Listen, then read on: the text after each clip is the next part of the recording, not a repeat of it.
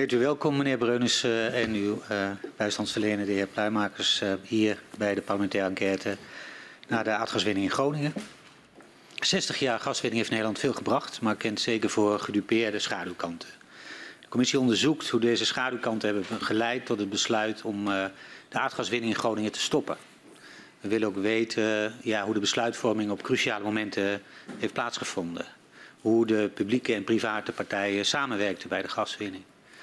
Um, we onderzoeken ook de aardbevingen zelf uh, en de ontwikkeling van de kennis daarover. Uh, de afhandeling van de schade als gevolg van de bevingen en het proces van het versterken van de gebouwen in Groningen. En uh, deze week staan in het teken van de beving bij Huizingen en alles wat daarna is gebeurd. u heeft gewerkt bij het TNO, adviseerde ook het ministerie in bredere zin over olie- en gasreservoirs, maar ook dus over het Groningenveld. En u wordt gehoord als uh, getuige. En uh, dit verhoor vindt plaats onder Ede. U heeft gekozen om de belofte af te leggen. En dat u de gehele waarheid en niets dan de waarheid zult zeggen. En daarom verzoek ik u even om te gaan staan. En mij na te zeggen, dat beloof ik. Dat beloof ik. Dat hoeft u niet te doen als u belooft. U staat nu wel onder Ede. U mag weer gaan zitten. Oké. Okay.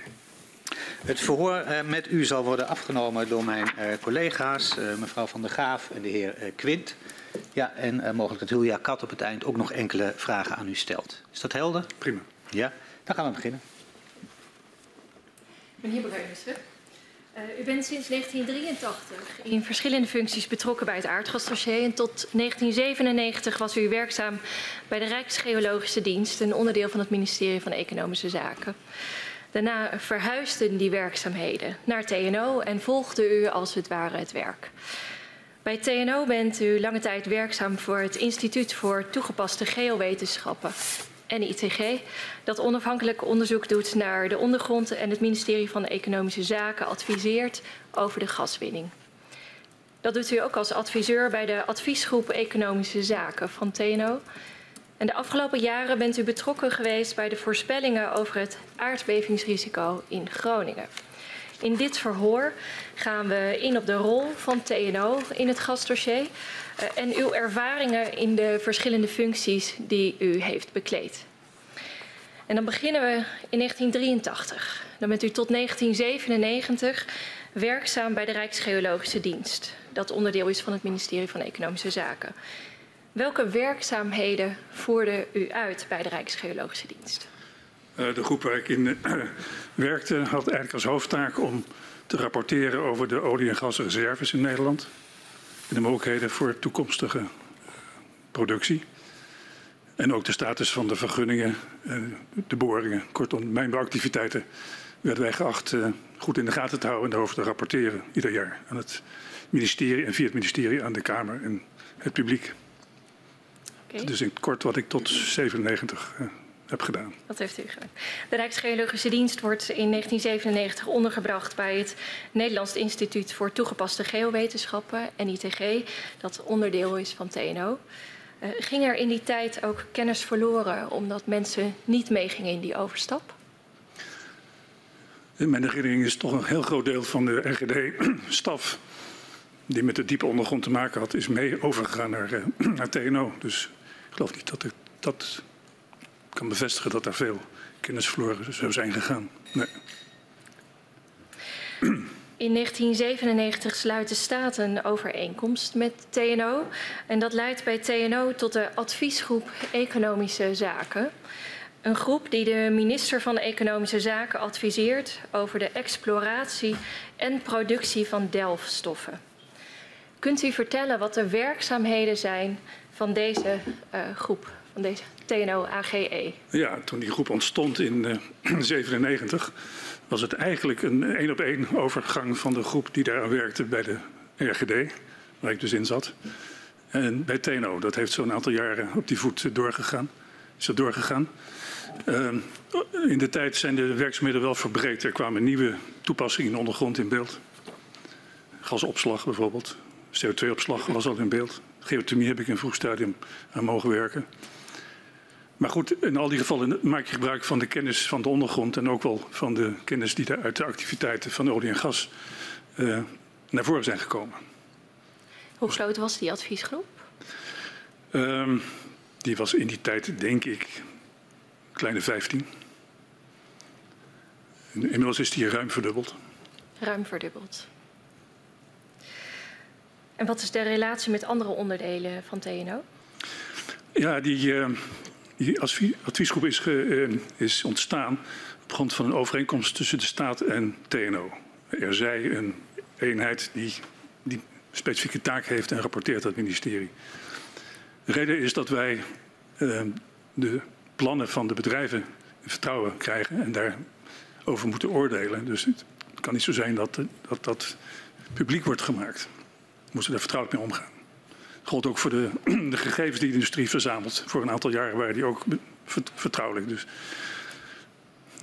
wordt Chinese muur misschien een beetje groot, maar we werden geacht daar heel voorzichtig mee om te gaan. Dat onderscheidt ons in zekere zin qua positie van de rest van TNO. Aan de andere kant, dat heb ik ook zeer gewaardeerd, is natuurlijk TNO een enorm reservoir aan kennis en middelen. Wat we ook konden inzetten, wat we niet konden in de tijd bij de RGD. Dus laten we zeggen, zijdelings hebben we heel veel gebruik kunnen maken van collega's met allerlei deskundigheid. En wat is de relatie tussen uh, TNO, AGE en het ministerie van Economische Zaken? Uh, nou ja, de grondslag ligt in die overeenkomst.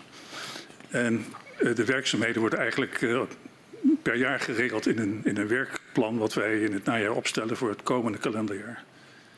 En er wordt een beetje aangegeven welke onderwerpen wij denken dat aan de orde zouden kunnen komen in het volgende jaar. En hoe komt dat werkprogramma tot stand? Nou, dat begint met een, een voorzet van, van onze eigen kant. Gewoon vanuit wat wij waarnemen in het veld aan ontwikkelingen. Daar proberen we ons voor te stellen hoe dat zal doorlopen in het komende jaar. Uh, dat wordt voorgelegd aan het ministerie. En dat gaat via een begroting. En wordt daar uh, goedkeuring aangegeven in het algemeen. En dat is de basis voor de werkzaamheden in het, komende, in dat jaar daarna. Kunt u dat een beetje concretiseren? Kunt u daar een voorbeeld van geven wat dan in zo'n werkplan zit? Ja, dat zijn redelijk vaste categorieën. Het begint eigenlijk uh, bovenaan toch gauw met uh, wat we noemen data- en informatiebeheer. Uh, traditionele taak ook van de RGD. Dan vergunningverlening, adviseren over vergunningen.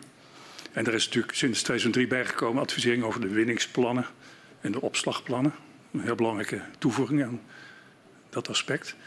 En dan uh, maken we ook onderscheid tussen uh, aardwarmte, hetzelfde trits, uh, opslag, winning, CO2-opslag. Dus zo krijg je al gauw een vrij grote matrix van projecten die zich aandienen voor dat komende jaar. En in enkele gevallen maken we ook afspraken die wat meerjarig van karakter zijn, omdat die dat vragen. En kon TNO-AGE ook op eigen initiatief onderzoek uitvoeren? Nou ja, het begon ermee dat we op eigen initiatief konden aangeven die agenda. Uh, dat werd ons niet voorgeschreven in eerste instantie, daar mochten we zelf creatief uh, in zijn. Maar het geval uh, dat lang, ook heel vaak is het zo dat een, onderwerp niet na enkele jaar klaar is. Dus dan werd het weer geagendeerd voor het jaar daarna enzovoort. Totdat het op een gegeven moment niet meer opportun was om het te verlengen. Maar er zijn een aantal uh, gevallen geweest. Meer recent bijvoorbeeld het onderzoek naar steenzout en de toepassingen. Daar hebben we een meerjarige overeenkomst. Dan waarom dat nodig is om het onderzoek ook echt fatsoenlijk op te zetten en, en uit te voeren. En het Groningen dossier is er uiteraard ook eentje van. Ja, ik, ik heb die idee. Ja. Kun je onderbreken? Nou ja, we zitten een beetje aan het eind van deze tijdlijn. Maar rond 2017 is ons uh, gevraagd door het ministerie om die uh, modeltrein, heet dat in de wandelgangen, HARA, uh, te gaan, gaan uh, bouwen. Nabouwen, zo je wil. En vervolgens ook operationeel te maken en in te zetten voor beleidsadvisering. Een beetje als opvolging voor wat de NAM op dat vlak heeft gedaan tot nog niet zo heel lang geleden, een jaar of twee geleden. Daar komen we straks ja. uh, iets later in het voor uh, op terug. Um, hoe vertrouwelijk waren de onderzoeken en adviezen van TNO-AGE? Ja, dat moet ik ook misschien een beetje in de tijd plaatsen. Uh, laten we zeggen, de laatste tien jaar in mijn beleving is eigenlijk ieder advies wat we maakten vrij snel ook op onze website verschenen. Dus het was niet zo dat het eerst ergens in een, in een la verdween en dan na vijf jaar of zo weer uitkwam.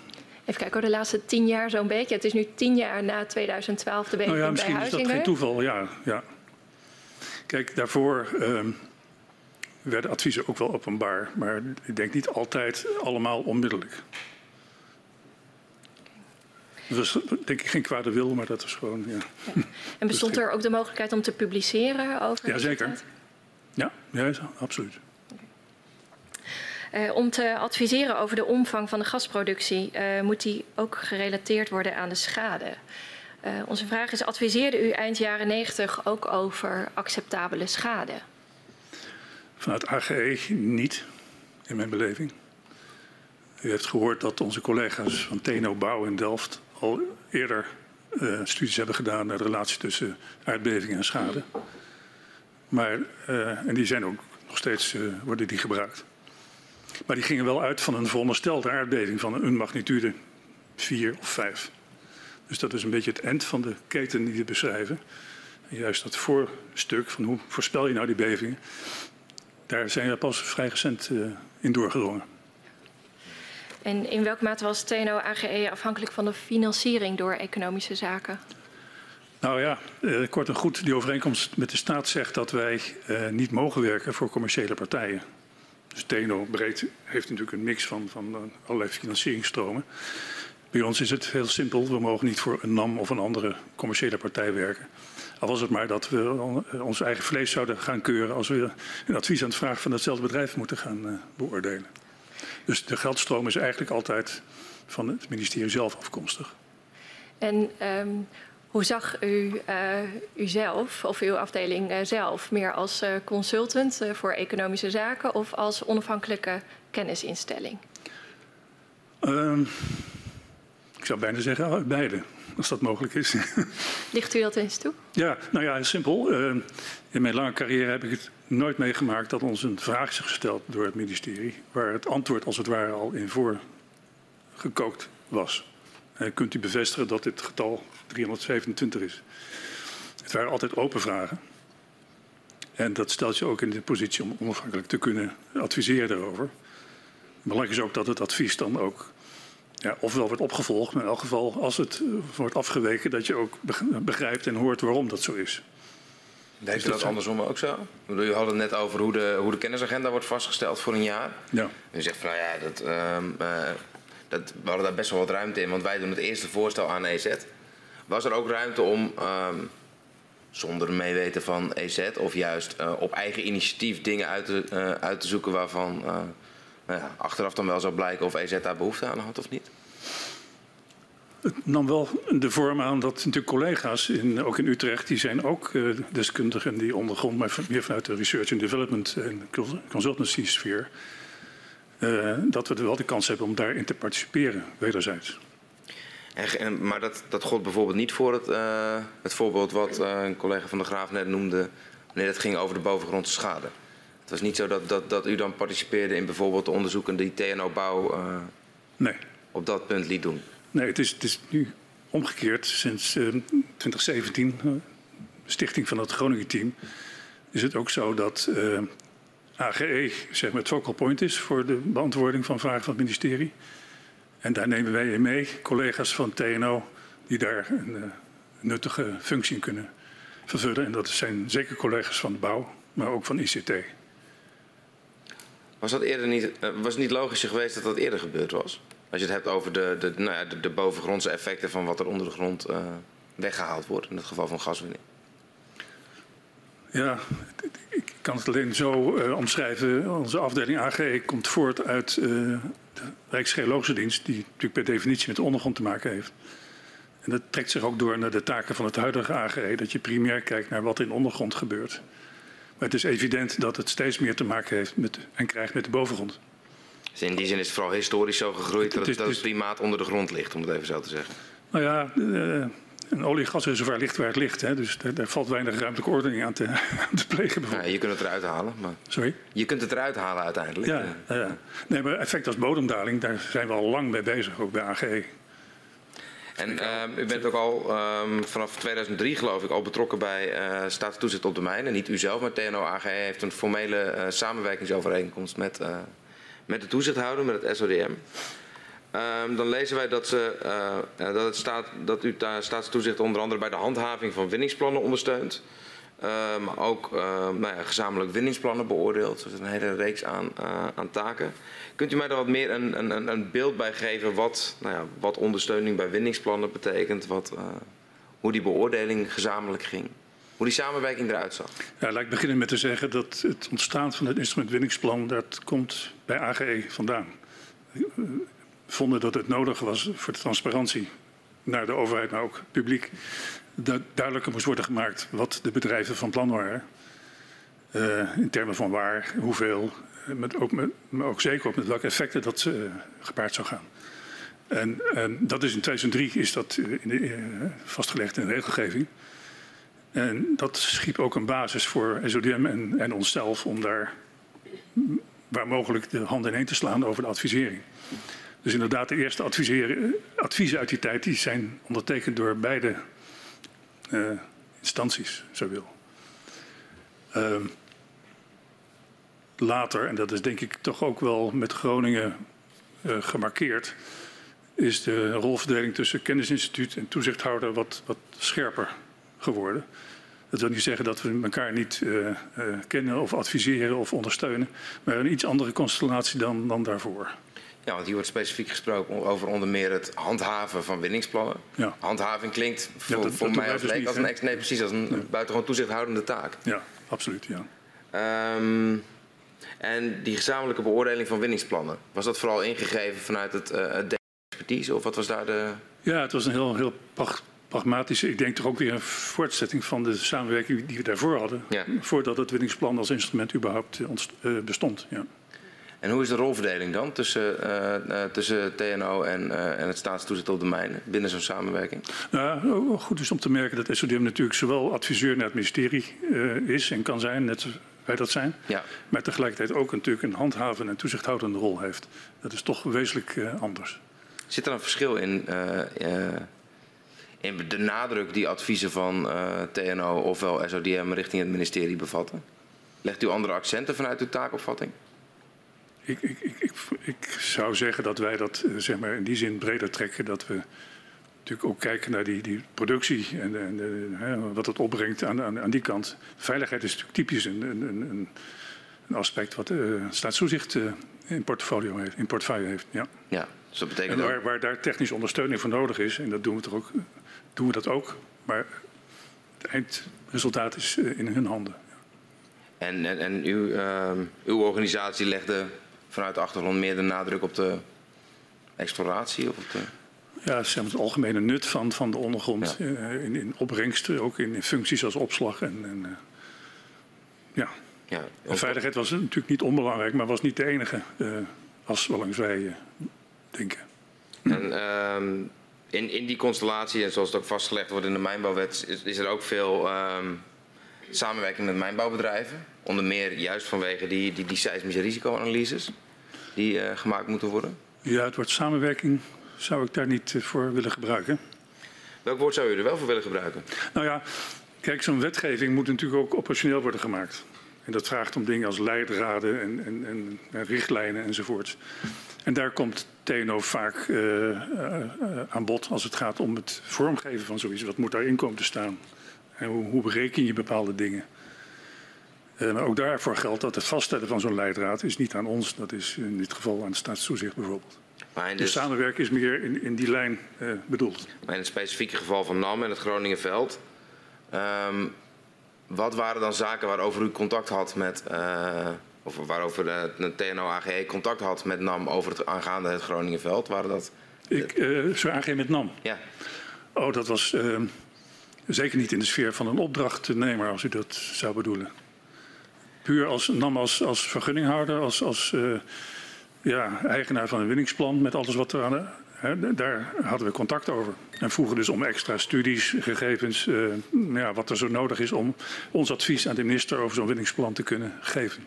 Ja, de, de, werden er ook geen opdrachten gedaan door TNO uh, in opdracht van NAM? Niet door AGE. Nee, precies. Dus wanneer het ging om eh, nou ja, de, de, de calibratiestudies of de, de hazard analysis, die werden niet bij AGE belegd. Nee, ook onze collega's uit Delft, TNO ja, Bouw, hebben precies. in het verleden die een aantal malen voor een partij als NAM, maar ook andere uh, gewerkt. Ja. En dan was het een kwestie van de, uh, de net niet Chinese muren op het kantoor. Uh, dus daar ja, dat speelt ook voor een deel af voordat uh, AG überhaupt bestond bij TNO. Maar, ja, maar het loopt, door, tot, het loopt door tot 2012, 2013. Ja, ja. Maar dat bijt elkaar niet, wat mij betreft. En dan werd er ook, de, de, de, de studies die bijvoorbeeld in opdracht van NAM gedaan werden, die kwamen dan ook niet bij u terecht? Nou, wat ik al zei, onze advies reikt vooral tot wat vanuit de ondergrond uh, gebeurt. En uh, als effect en de weerslag van op de bovengrond. Dat is natuurlijk wel onderdeel van de modelketen die we gezamenlijk hebben ontwikkeld. Maar de expertise op dat vlak ligt helemaal in Delft. En is ook ter beschikking van een ander uh, klant dan ja. het ministerie. En wanneer um, de, de expertise van uw collega's wordt ingehuurd door bijvoorbeeld NAM, Komt het, toen was mijn vraag, kan het eindresultaat dan ook weer bij u terechtkomen, mocht u dat relevant achten? Of? Ja, er is ook bijvoorbeeld geweest dat uh, TNO een, heeft een meetnet, een speciaal meetnet ja. bij huizen geïnstalleerd, hè, in opdracht van een ander betaald door een NAM. Ja, ik zie persoonlijk niet dat dat elkaar bijt met het type adviezen wat wij afgeven.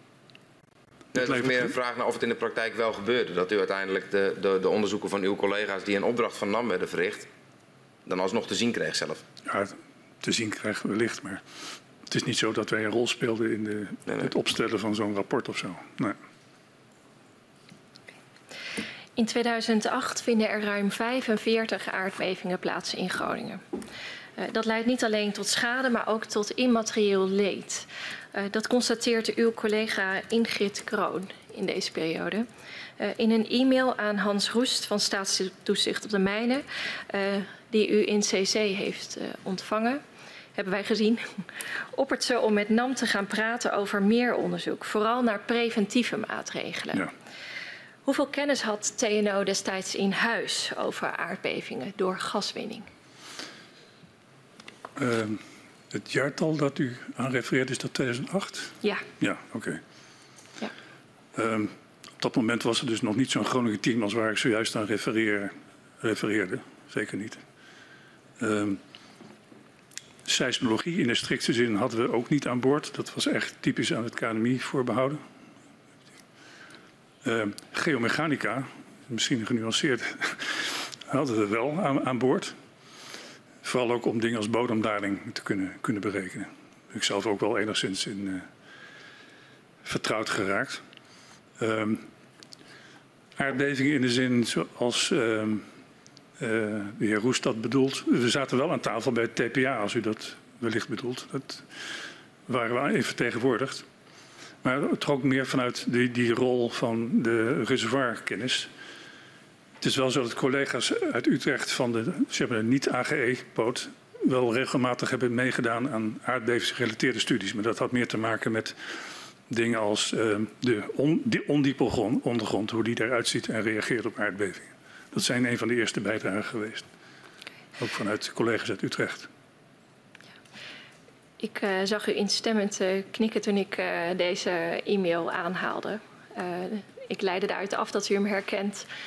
dat mevrouw Kroon zegt, van, moeten we niet met NAM gaan praten over preventieve maatregelen. Wat is daarmee nou, gedaan? Nou, ik heb dat gereconstrueerd als een, als een mail van Hans Roest uit TPA-verband. Het technisch platform aardbeving. Sorry, ja. ja.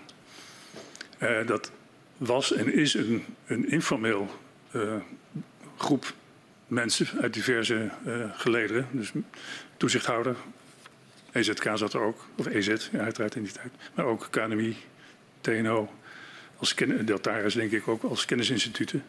En industriële partijen, dus ook de NAM zat daarin. En destijds Amaco, later Taka. Dus ja, het was echt bedoeld om als het ware met de benen op tafel kennis uit te wisselen. Uh, die anders misschien niet zo makkelijk uh, grijpbaar zou zijn. En enkele keer is het gebeurd dat in dat gremium het idee is gerezen... dit zou toch een onderwerp zijn wat meer aandacht verdient. Uh, dat leidde dan tot een verzoek om een projectvoorstel te maken. Regelmatig was TNO daar aan bod. En werd dat onderzoek gehonoreerd, maar werd aan de industrie vaak gevraagd om dat te financieren. Dat was de figuur van de TPA. En uh, op het moment dat die mail verschijnt waar u aan refereert, waren wij ook al bezig in de meer reguliere lijn met staatstoezicht om te kijken wat je aan onderzoek en modellen nodig hebt om de risico's echt te kunnen beheersen. En dat is nog een hele stap verder dan zeg maar, het snappen van, van aardbeving. Dat moet je ook. Dus uh, wij zagen op dat moment uh, eerder scope om langs die lijn ons onderzoek en de, de, de, de plannen verder te ontwikkelen en te voeren dan uh, het, bijvoorbeeld het hand aan de kraan verhaal, wat de heer Roest dus, toen ook heeft naar voren gebracht. Daar wil ik nog wel even op ingaan, want hand aan de kraan was een van de allereerste. Ja? Ja, daar wil ik ook nog even op ingaan. Ja, ja de relevantie met Groningen is, is, groot, wat mij betreft. Ja. De eerste keer dat wij echt hebben gezorgd voor een systeem waar je kunt volgen wat de, in dit geval de bodemdaling in Onderwaddenzee doet. En daarop op, gericht, op, gericht op kunt sturen. Dus niet zomaar ergens aan een kraan draaien en eh, hopen dat het goed gaat, maar gericht sturen. Uh, zoiets wilde in elk Hans Roest, maar ik denk ook wij zeker, ook voor Groningen.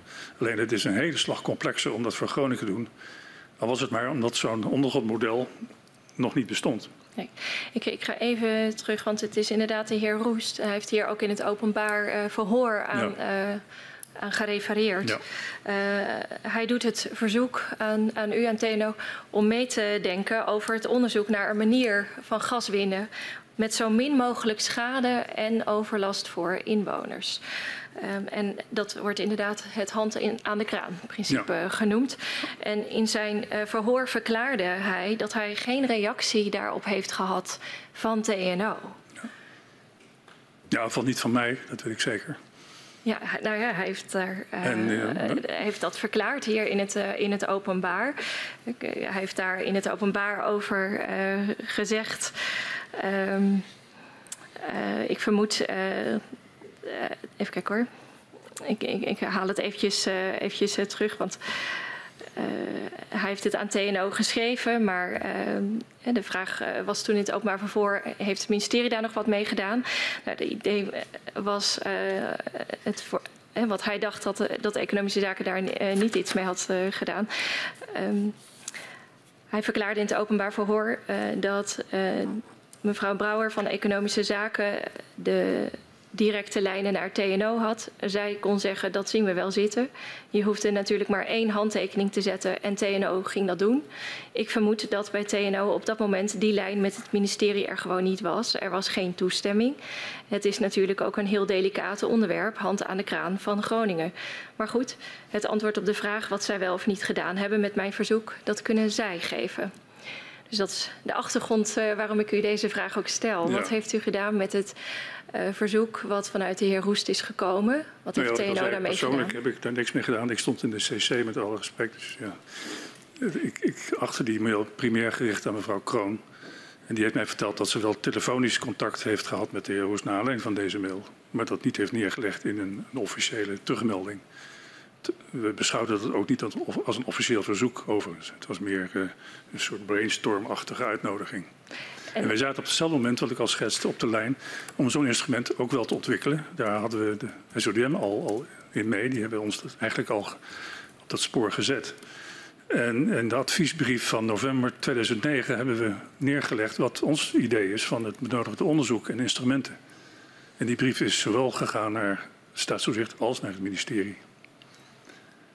Uh, en SUDM heeft daarop gereageerd door die brief uh, per keer in de post naar uh, de NAM te sturen. Met het verzoek om te reageren. En ik heb begrepen dat dat begin 2010 gekomen is. In de zin van, ja, we zijn al bezig met zo'n ondergrondmodel. Het opfrissen van, van een eerdere versie. En dat zal in 2012 klaar zijn. Dus dat zou twee jaar later zijn. En er is toen besloten om, dat, om die tijd te nemen. Uh, ook al omdat het uh, bouwen van een model eigenlijk veel meer kost dan twee jaar. Dus heel, uit heel praktische overwegingen leek het ons beter om dat model te gaan gebruiken. Dat is overigens pas het startpunt van zo'n modelketen, voor alle duidelijkheid. Maar wel een heel cruciaal en, en arbeidsintensief deel van de modelketen. Ja. Uh, de heer Roest heeft verklaard dat hij meerdere malen hierover of e-mails heeft gestuurd, contact heeft gezocht met TNO, maar dat er gewoon geen reactie op is gekomen. Um, en hij vond dat jammer, verklaarde hij. Want met dat team hadden we echt hele goede dingen gedaan voor het ontwikkelen van dat soort concepten. Maar dan voor de Waddenzee. Ja, voor de Waddenzee was het al gebeurd, hè? Dat was zijn voorbeeld. Ja, ja, maar zijn voorstel was om dat ook voor Groningen te doen. Ja, nou even los van hoe die communicatie is gegaan. Ik kan alleen die mail waar ik in CC staan naar mij voor ogen krijgen. Maar we zaten op dat spoor, alleen wij pleiten ervoor om het model vanaf de ondergrond op te bouwen en te vertalen in, in een instrument waarmee je gericht kan, risico's kan beheersen. Uh, ik denk dat het, het idee dat je een, een, soort stoplichtsysteem maakt of een hand aan de kraan protocol, dat kun je vrij snel opschrijven. Wij spreken het woord is even vervangen door Groningen en je hebt het. Maar zo simpel is het niet. Om het instrument uh, actief en uh, operationeel te maken, moet je aan de modellenkant enorm veel ontwikkelen. En daar zagen we al een langjarige inspanning uh, in, in, zitten. Van het ministerie toen ook heeft aangegeven, en zo laag de verhoudingen ook, dat het aan de primair en de operator is om te zorgen voor het, het in het kaart brengen van de effecten en welke maatregelen er zijn om die effecten te beperken of te voorkomen. Dus preventief of mitigatie. Zegt u daarmee dat het uh, ministerie uh, zei uh, dat voor dit soort gedachten nu geen ruimte was? Dat dat aan de NAM was? Nou, dat was de... En dat TNO hier dus niet mee aan de slag moest gaan om te kijken hoe je... Ja, het is zeker niet verboden, maar dan krijg je het praktische probleem van dat je dat op eigen krachten met eigen middelen moet gaan doen. Ja, wilt u ons daar toch eventjes in meenemen? Ja. Want het is uw tak van sport. En wij zaten daar niet uh, aan tafel. Hoe gaat dan uh, zoiets? Hè? Want er is dan iemand die legt een idee neer. Die geeft aan, ik heb zowel van de heer Breunissen als van mevrouw Kroon geen reactie gekregen. Dat is in het verhoor aan de orde geweest. Mm. Het hand aan de kraamprincipe was succesvol toegepast in de Waddenzee. Zou dat ook voor Groningen kunnen gelden? U zegt zelf, ja, die gedachte leefde ook wel bij ons. Maar het ministerie zegt, uh, u mag daar niet mee aan de slag. Vat ik het zo goed dat, samen? Dat, dat, laatste is niet uh, zoals ik daar tegen. Dat is mijn, uh, mijn interpretatie ja. van wat ik zo beluister. Nee, als u ons adviesbrief van 2009 november leest, dan pleiten we wel ervoor om zo'n zo modelketen als het ware te gaan bouwen. Te beginnen met dat grote ondergrondmodel. Alleen het was toen duidelijk dat de NAM dat al had en aan het, aan het actualiseren was. En dan krijg je natuurlijk de keuze ook vanuit het ministerie, denk ik. Ga je nou dat helemaal van de grond af aan opbouwen? Wat een hoop resources kost en geld, terwijl dat in feite al, al besteed wordt aan de kant van de NAM. En als er nou maar een goede review op dat model komt, dan zijn we eerder in de positie om zoiets te maken dan als wij wachten op een eigen ontwikkeling. De verdere elementen van die modelketen, die zijn ook in de jaren 2012, 2013 met name ontwikkeld. Hè. Dat is uh, grondbewegingsmodel, uh, kwetsbaarheidsmodel, alles wat erachter aangekomen is. Maar dat start allemaal met dat grote ondergrondmodel. Ik probeer nog één keer scherp uh, te ja. vragen. Um, want op, uh, heeft het ministerie uh, nu wel of niet expliciet aangegeven dat u hier niet mee aan de slag mocht? Met het ontwikkelen van dat hand in de kraan. Ik heb nooit een brief gedachte. of mededeling gezien van het ministerie van, met die strekking. Maar toch, zoals u het net naar voren brengt, was dat niet waar u de tijd aan moest besteden en het geld wat daarbij uh, kwam kijken? Nou het, is gegaan zoals ik begon te schetsen dat de uh, SODM, IGM destijds, heeft onze adviesbrief doorgestuurd naar de NAM. en daar kwam de reactie op terug die ik net schetste van ja, we zijn bezig, komt u in 2012 nog eens terug. En daar is me ook mee ingestemd vanuit de kant van het. Dus daar lag geen blokkade, het was meer praktisch argument van nou dan gaan we dan verder met die ontwikkeling. En daar was nog geen, geen, geen, geen concreet verzoek aan welke partij over gedaan in financiële termen. Had u daarover ook contact met NAM? Over dit verzoek of deze gedachte over handen aan de kraan bij het Groningerveld? Nee, nee, nee. Dank. Als je dan het overzicht van die, ik bedoel, uh, mijn collega begon met in 2008 vinden er ruim 45 bevingen plaats. Zien we een toename van uh, seismische activiteit.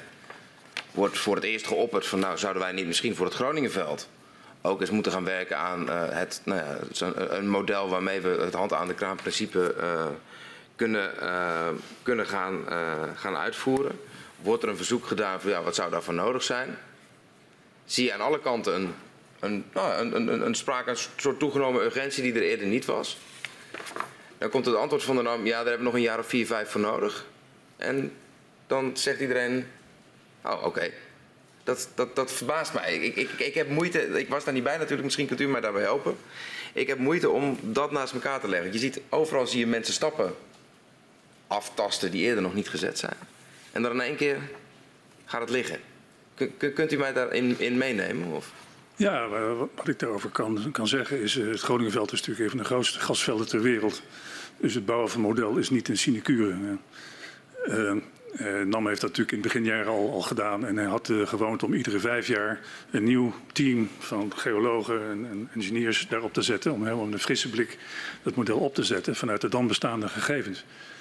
En daar, daar, dat is een cyclus van vijf jaar met een vrij groot team. En dat is niet iets wat wij even van de plank trekken. En als je daar proces halverwege ongeveer binnenkomt van, goh, kunnen we dat model krijgen? Ja, dan is er toen voor gekozen, ook door SODM overigens, om die twee jaar tijd nog te nemen. Om dan te beschikken over een helemaal fris uh, en geactualiseerd model. En je kunt dan niet zeggen van nou dan, dan, dan werken wij tot die tijd anders met het model van twee jaar oud. Dat we toch elke vijf jaar eens. Nou, dat model was al van 2003. En zeker terugkijkend was dat model absoluut niet geschikt geweest om, om deze job te doen. Het gaat om uh, het meer in detail karakteriseren van de breuken in het Groningenveld. Heel cruciaal voor aardbevingen. En het uh, modelleren van de drukverdeling. Daar komen die breuken ook in voor. Want je kunt een breuk modelleren als dicht voor gasstroming of open. En dat maakt veel uit. En op die beide aspecten is dit nieuwe model van 2012 stukken beter dan dat van 2003. Ja, maar, uh, maar 2003 lijkt me ook beter dan geen model. Want dat is uiteindelijk waar, waar het toe leidt. Ja, want dat is een afweging. Als je met zo'n oud model aan de gang gaat, je investeert daar tijd in. En je constateert dan vervolgens dat er een, nieuw model van de band rolt waar je hetzelfde nog een keer opnieuw moet doen. Is dat ook niet efficiënt? Nee, maar dat is precies in de fase tussen 2003 en 2012, 13, wanneer het uiteindelijk af is. Wat, nou ja, een redelijk cruciale periode is geweest in deze. Uh... Ja, het is puur toeval dat we binnenkwamen in die fase van dat modelontwikkeling. Het is niet anders. En je merkt aan de andere kant ook dat er gewerkt wordt aan het krijgen van een complete beeld van het Groningenveld. Um, logisch ook. Uh, uw oud-collega Munten Bos vertelde daar gisteren ook, uh, ook over. Bijvoorbeeld het onderzoek wat u daar zelf dan in 2009 inderdaad ja, toe opzet. En waarmee u uiteindelijk tot die conclusie komt. Van, nou, wij moeten eigenlijk dat model ook hebben. Um, hoe betrokken was u zelf bij dat onderzoek? Het onderzoek van 2009 was uiteindelijk resulteert in het verzoek uh, tot toegang krijgen tot dat model? Mijn betrokkenheid zat hem vooral in de kennis van wat ik net zei, de, de breuk in het veld en de drukverdeling die daaruit resulteert. Uh, mijn expertise ligt ook echt op het niveau van gasreservoirs. En de, de ja. seismologie-aardbeving is veel meer bijvoorbeeld die van de heer of mevrouw uh, Muntendam. Ja. Dus een, een, en een van, de, een van de conclusies ligt precies op het snijvlak van die twee punten. Namelijk dat preventieve maatregelen het risico op trillingen in het reservoir kunnen, kunnen verminderen. Ja. Um, was u ook betrokken bij het tot stand komen van, van die conclusies of niet? Of was dat iets wat meer op het terrein van mevrouw Munterdam? Nou, laten we zeggen, de brief zoals die uitgegaan is, heb ik zeker uh, goed gelezen en uh, in meegedacht. Ik ben geloof ik geen co-auteur, maar bij ons is dat ook allemaal niet zo scherp gestoken. Er is iemand die spenvoerder en er zijn anderen die denken en werken daaraan mee. Uh, heel cruciaal vond ik toen, en dat is ook later wel gebleken, uh, er zijn veel meer breuken in het veld gekarteerd dan daarvoor, iets van 1800. Ja. Uh, en aanvankelijk waren veel van die breuken door de NAM als zijnde niet doorlatend voor gas gemodelleerd. Sterker nog, er was sprake van drukcompartimenten in het veld. Dat leest u ook terug in die eh, brief van 2009. Dat geeft een beetje het idee dat als je compartimenten kunt aanprikken en beheersen, dat je daarmee kunt, kunt, kunt sturen. Dat je veel meer controle op het veld hebt. Maar de versie van 2012, die dus twee jaar later, tweeënhalf jaar later van de mand rolde, bleek dat dat een heel ander beeld opleverde. Dus dat hele idee van hoe kun je sturen en waar, was totaal anders. En onderstreept nogmaals dat het goed is geweest dat we dat betere model hebben laten uh, ontstaan. In plaats Ook achteraf met de tijd die daarmee... Uh... Ja, Ondanks, ondanks, dat bent u wel, nou, staat ja, u achter de keuze die toen gemaakt is? Ik, ik, moet zeggen, gisteren werd het Bergenmeerveld als een voorbeeld genoemd waar het ja. Gelo's model, model heel cruciaal was. Dat, dat kan ik alleen maar onderstrepen. En dat ja. onderstreept ook mijn stelling over Groningen. Alleen daar praat je over een hand, handjevol breuken. En van de één of twee zijn gemodelleerd, schat ik. In Groningen praat je over honderden, meer dan duizend breuken.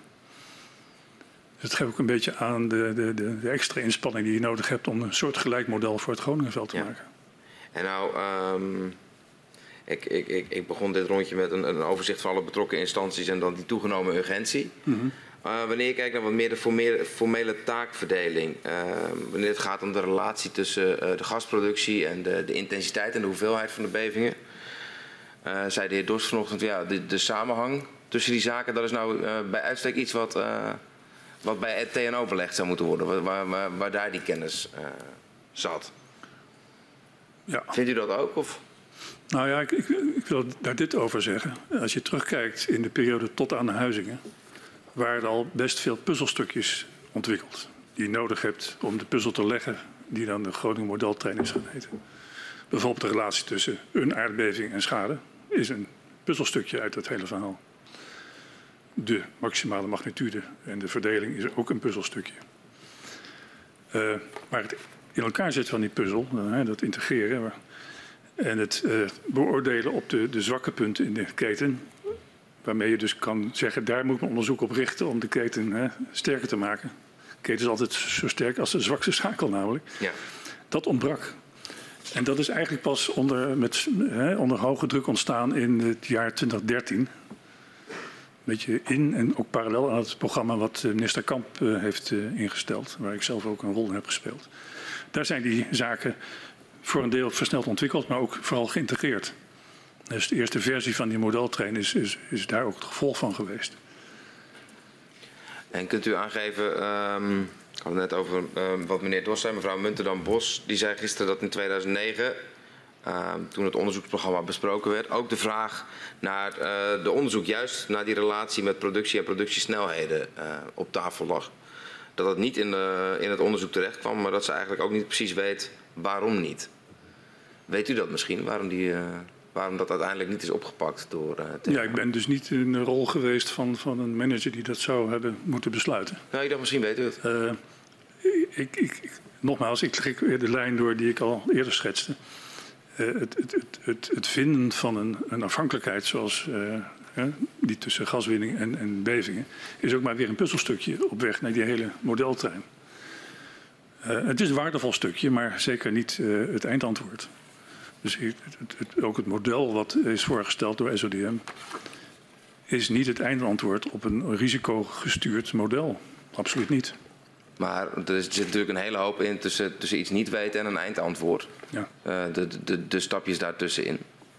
Ehm het had misschien wel kunnen helpen. Ja, ik weet het. Ja, is achteraf. Maar kijk, als je dat in twee weken kan, kan analyseren, vind ik dat een knappe prestatie. Maar wat eruit komt, eh, dat model, waar door een aantal partijen ook is gezegd, en ik denk misschien zelfs door SODM zelf ook, dat het speculatief was. Ja, Eh, ja daar komen we zo nog even op terug inderdaad. als je dat nu zou inzetten in je risicomodeltrein, dan zouden er hele rare dingen uitkomen, met alle respect. Dus het, het was echt nodig geweest. Ik, ik zie het ook echt als een startpunt. Dat ben ik het met de heer Dost roerend eens. Het denken aan de gang zetten, zo'n model beter testen en verbeteren op cruciale punten. En dat is ook echt in gang gezet daarna. Dus dat is de credits die ik de SODM graag geef. Maar het verving niet de ambitie die wij al in 2009 hebben- hebben neergelegd. Op 16 augustus 2012 dan vindt die grote beving bij Huizingen plaats, nu tien jaar geleden. In de dagen erna wordt duidelijk dat het een zware beving is. En het aantal schadegevallen is ook veel groter dan bij eerdere bevingen. Wat is dan de reactie bij TNO? Ja, los van de, de persoonlijke opvattingen die mensen erover zouden kunnen hebben. Maar wij le- leven denk ik ook in de, in de eh, gedachte dat een 3,6 weliswaar een zware beving is. Maar altijd nog past binnen wat de verwachtingen waren wat dat betreft. Ik denk dat dat ook bevestigd is door, eh, door eh, Bernard Dost vanochtend. Ehm, wat natuurlijk wel gebeurd is, en dat is misschien een ander proces geweest, is dat een aantal zaken, juist ook door de grote gevolgen en de grote hoeveelheid schademeldingen meldingen, in gang heeft gezet die anders misschien niet zo gauw eh, in de stroomstelling zouden zijn geraakt. En dat is natuurlijk eerder al een beving van 3,5 geweest, zoals eh, geschetst. Dat heeft lang zo'n grote impact niet gehad als, eh, als deze huizingenbeving.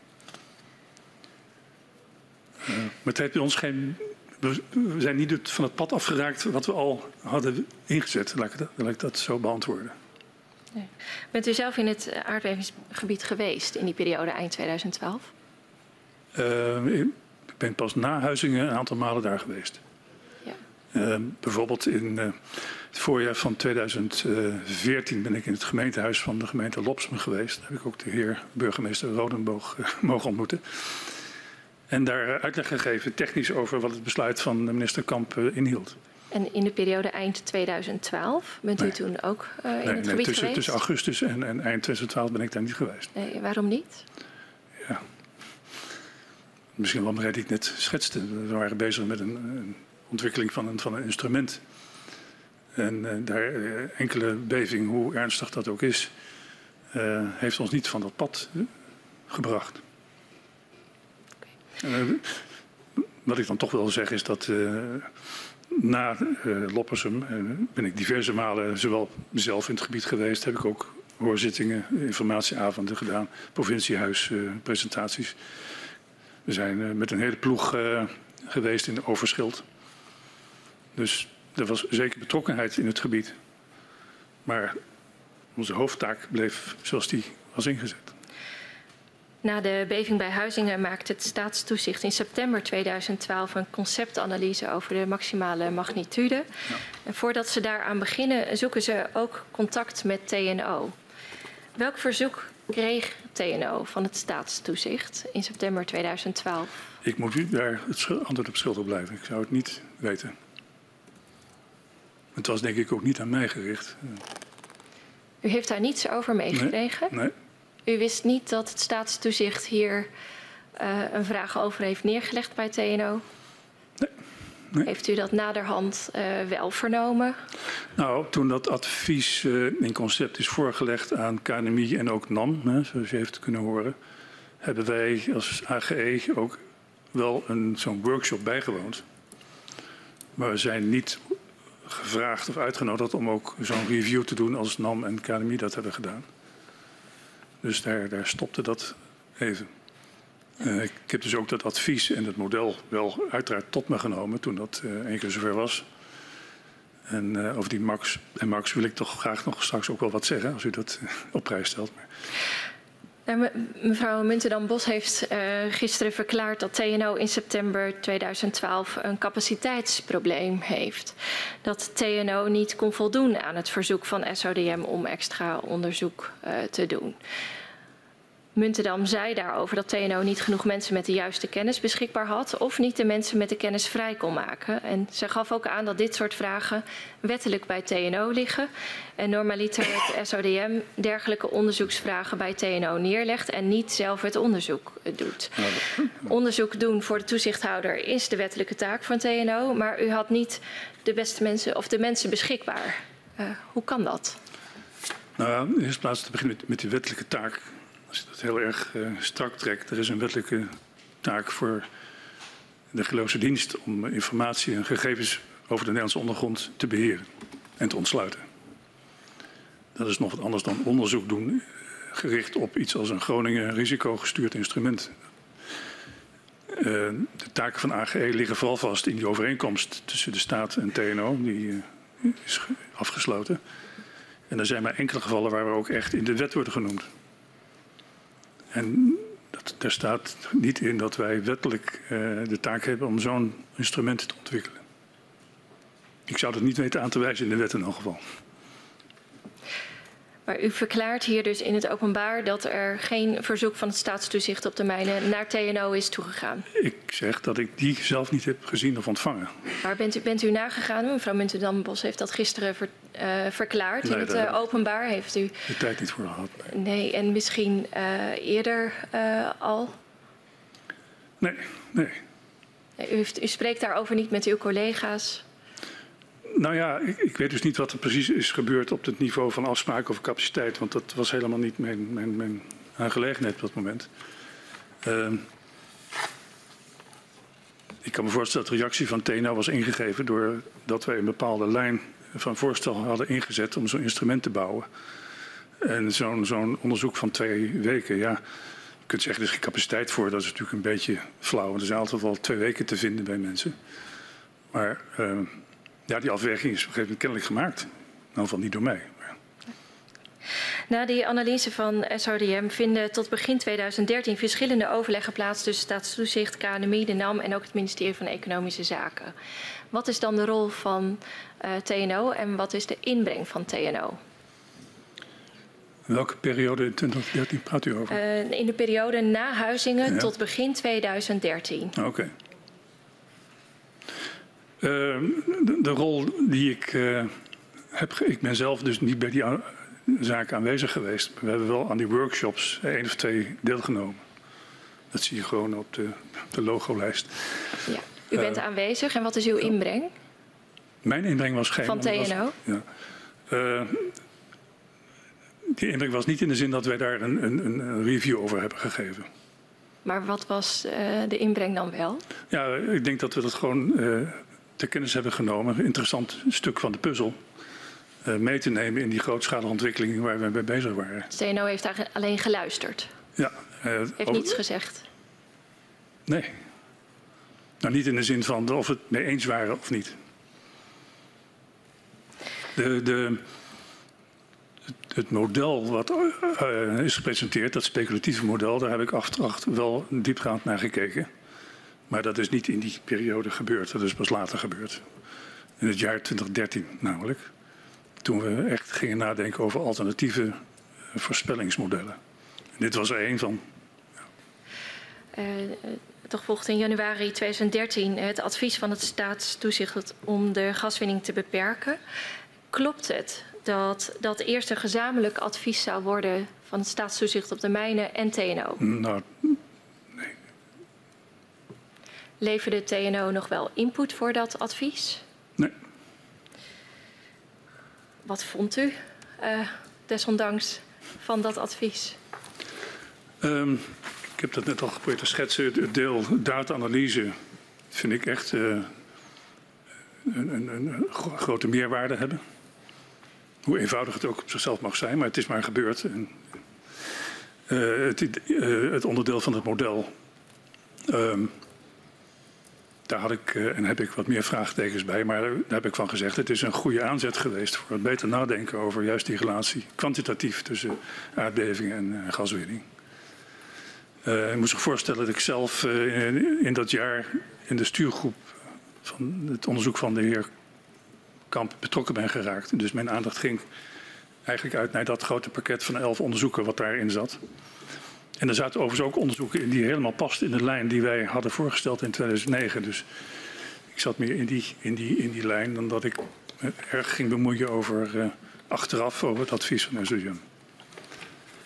Uh, het is wel zo dat het advies uh, eindigt met te zeggen, uh, adviseren van de gasproductie zo snel en zoveel als realistisch mogelijk. Uh, de, het zit natuurlijk in het woord realistisch. Hoe vat je dat op? En ik heb het onderzoek van uh, minister Kamp, laat ik maar zeggen, het is niet zijn onderzoek, maar door hem geïnstigeerd, uh, gewaardeerd als een, als een poging om die, dat realiteitsgehalte daar ook aan te geven aan zijn besluit. Dat heeft vele dimensies. Het is niet alleen maar uh, aardbeving, maar ook de waarde van woningen zat in het pakket. De, de gascontracten, de leveringszekerheid zat in het pakket. Dat is heel breed. Maar ook de EMAX zat in het pakket. En alternatieve winningsmethode van Groningen zat daarin. Dus ik vond het zeer waardevol om daar mijn, mijn aandacht en krachten aan te geven. En ik kan ook constateren dat toen dat werk af was in december van dat jaar enerzijds uh, de minister het advies om Loppersum-clusters in te sluiten binnen twee of drie weken heeft opgevolgd. Dus daar was weinig tijd voor nodig. En dat erkent SODM ook in het advies van, van begin 2014. In dat onderzoeksjaar, wat uh, misschien een beetje is beschouwd als, als verloren moeite. Uh, dat valt reuze mee, omdat we die maatregel heel gericht hebben kunnen adviseren.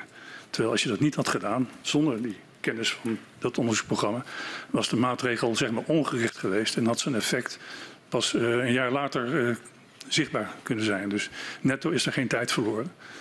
En is er eigenlijk wel gewonnen aan de kant van de kennisopbouw.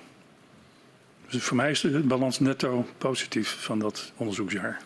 Ja, daar komen we straks nog. Doen we toch nog echt recht aan het advies van SODM van begin dat jaar. Maar dat, dat was toch zo, zoveel als mogelijk, zo snel als mogelijk, dat advies van SODM? Ja, ja realis- realistisch staat er. Ja, nee, precies. Maar, Maar daar, daar- daar, daar, daar staat niet in dat advies van zoveel eh, als realistisch mogelijk is na een jaar van extra kennisopbouw. Nee, dus het SODM waarschuwt in dat advies ook van... ga nou niet nog een jaar wachten op onderzoek. eh, Ga nu ingrijpen. Ja. Dat is vrij vertaald zoals ik dat heb gelezen. Alleen ik denk dan zelf... eh, aan welke kraan ga je draaien? Hoe hard ga je draaien? Hoe hard ga je naar boven of naar beneden? En dat noem ik ongericht sturen.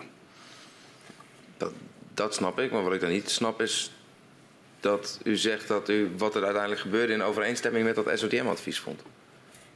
Nee, dat vinden zij omgekeerd. Zij refereren aan, aan het onderzoek in, in de zin van ja, dat is een, een goede eh toevoeging geweest. De specificering noemde de mevrouw Munter.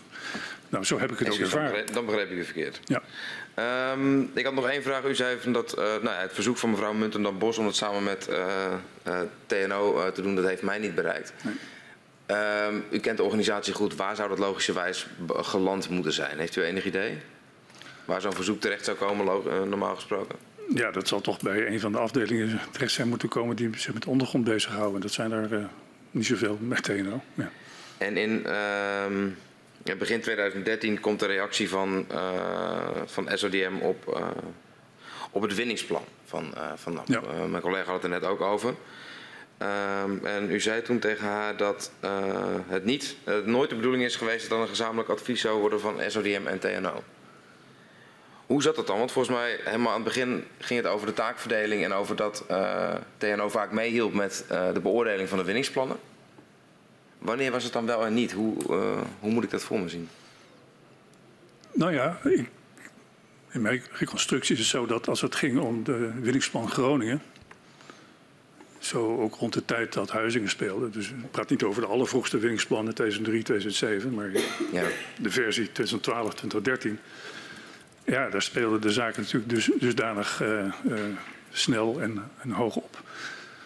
Dat wij toch eh, in de rol zijn gekomen van technisch adviseur aan instanties die daar besluitvorming of handhaving aan moeten ontlenen. En dus dat gezamenlijk adviseren eigenlijk niet meer eh, opportun was. maar technisch adviseur ook aan, eh, aan SODM? maar ook aan het ministerie. Oké. Maar dan, dan, dan even scherp, want dan, het zou kunnen dat ik u verkeerd verstond. Maar ik dacht dat u net zei dat, er, eh, dat TNO geen input had geleverd aan dit advies. Ja, het advies van welke datum? Wat is het, januari 2000, eh, 2013? Ja, dat was geen winningsplan. Dat, dat ging over de. de nee, dat was het excuus. Dat was het advies om de, nou ja, de, de winning eh, zo snel en zoveel Ja, als mogelijk terug te brengen. winningsplan. Nee. Nee, maar u heeft, daar niet, eh, heeft u daar wel input op geleverd? nee. Ook niet op het, eh, niet op het advies van SODM? Nee. Oké. Dan komen we vanzelf bij het winningsplan van 2014 Ja. eh, uit op deze manier. Maar ik wilde eerst nog even kort hebben over de samenwerking met een andere kennisinstelling, namelijk KNMI. Ehm, hoe zijn die taken en eh, verantwoordelijkheden eh, verdeeld en belegd?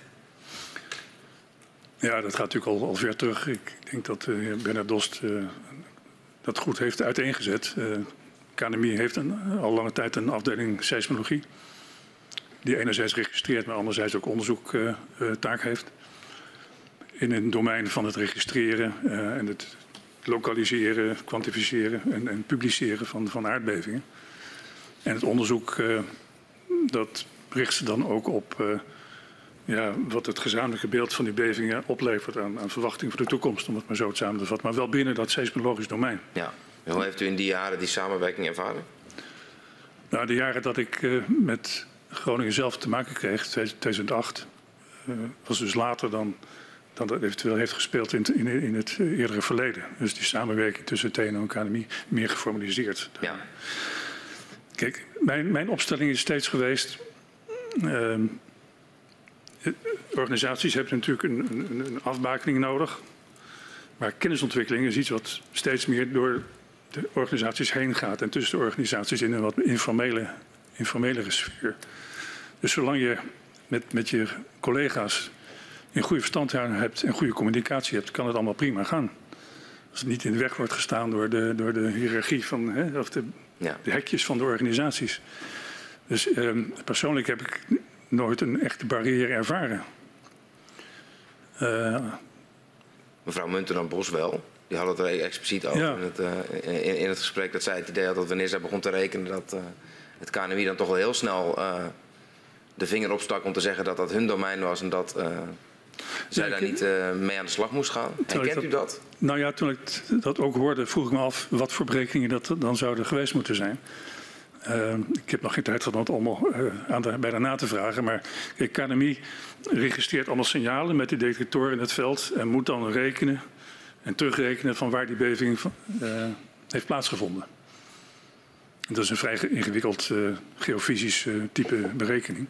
En dat is het domein van mevrouw Minton Bos. Ja. Voor mijn gebruik van de data is het voldoende dat KNMI die berekeningen doet. En wij de catalogus die eruit komt gebruiken voor de verdere statistiek en calibratie van de, van de modellen. Dus ik heb dat persoonlijk nooit als zo sterk ervaren als, uh, als dat gisteren naar voren kwam. Ja. Uh, dan toch het winningsplan van 2014. Um, SODM geeft dan in januari het advies om niet in te stemmen met het winningsplan uh, van de NAM. Ja. Um, u heeft, uh, tenminste u, TNO, heeft dat advies niet mede ondertekend. Nee. Weet u wat daar de reden van was?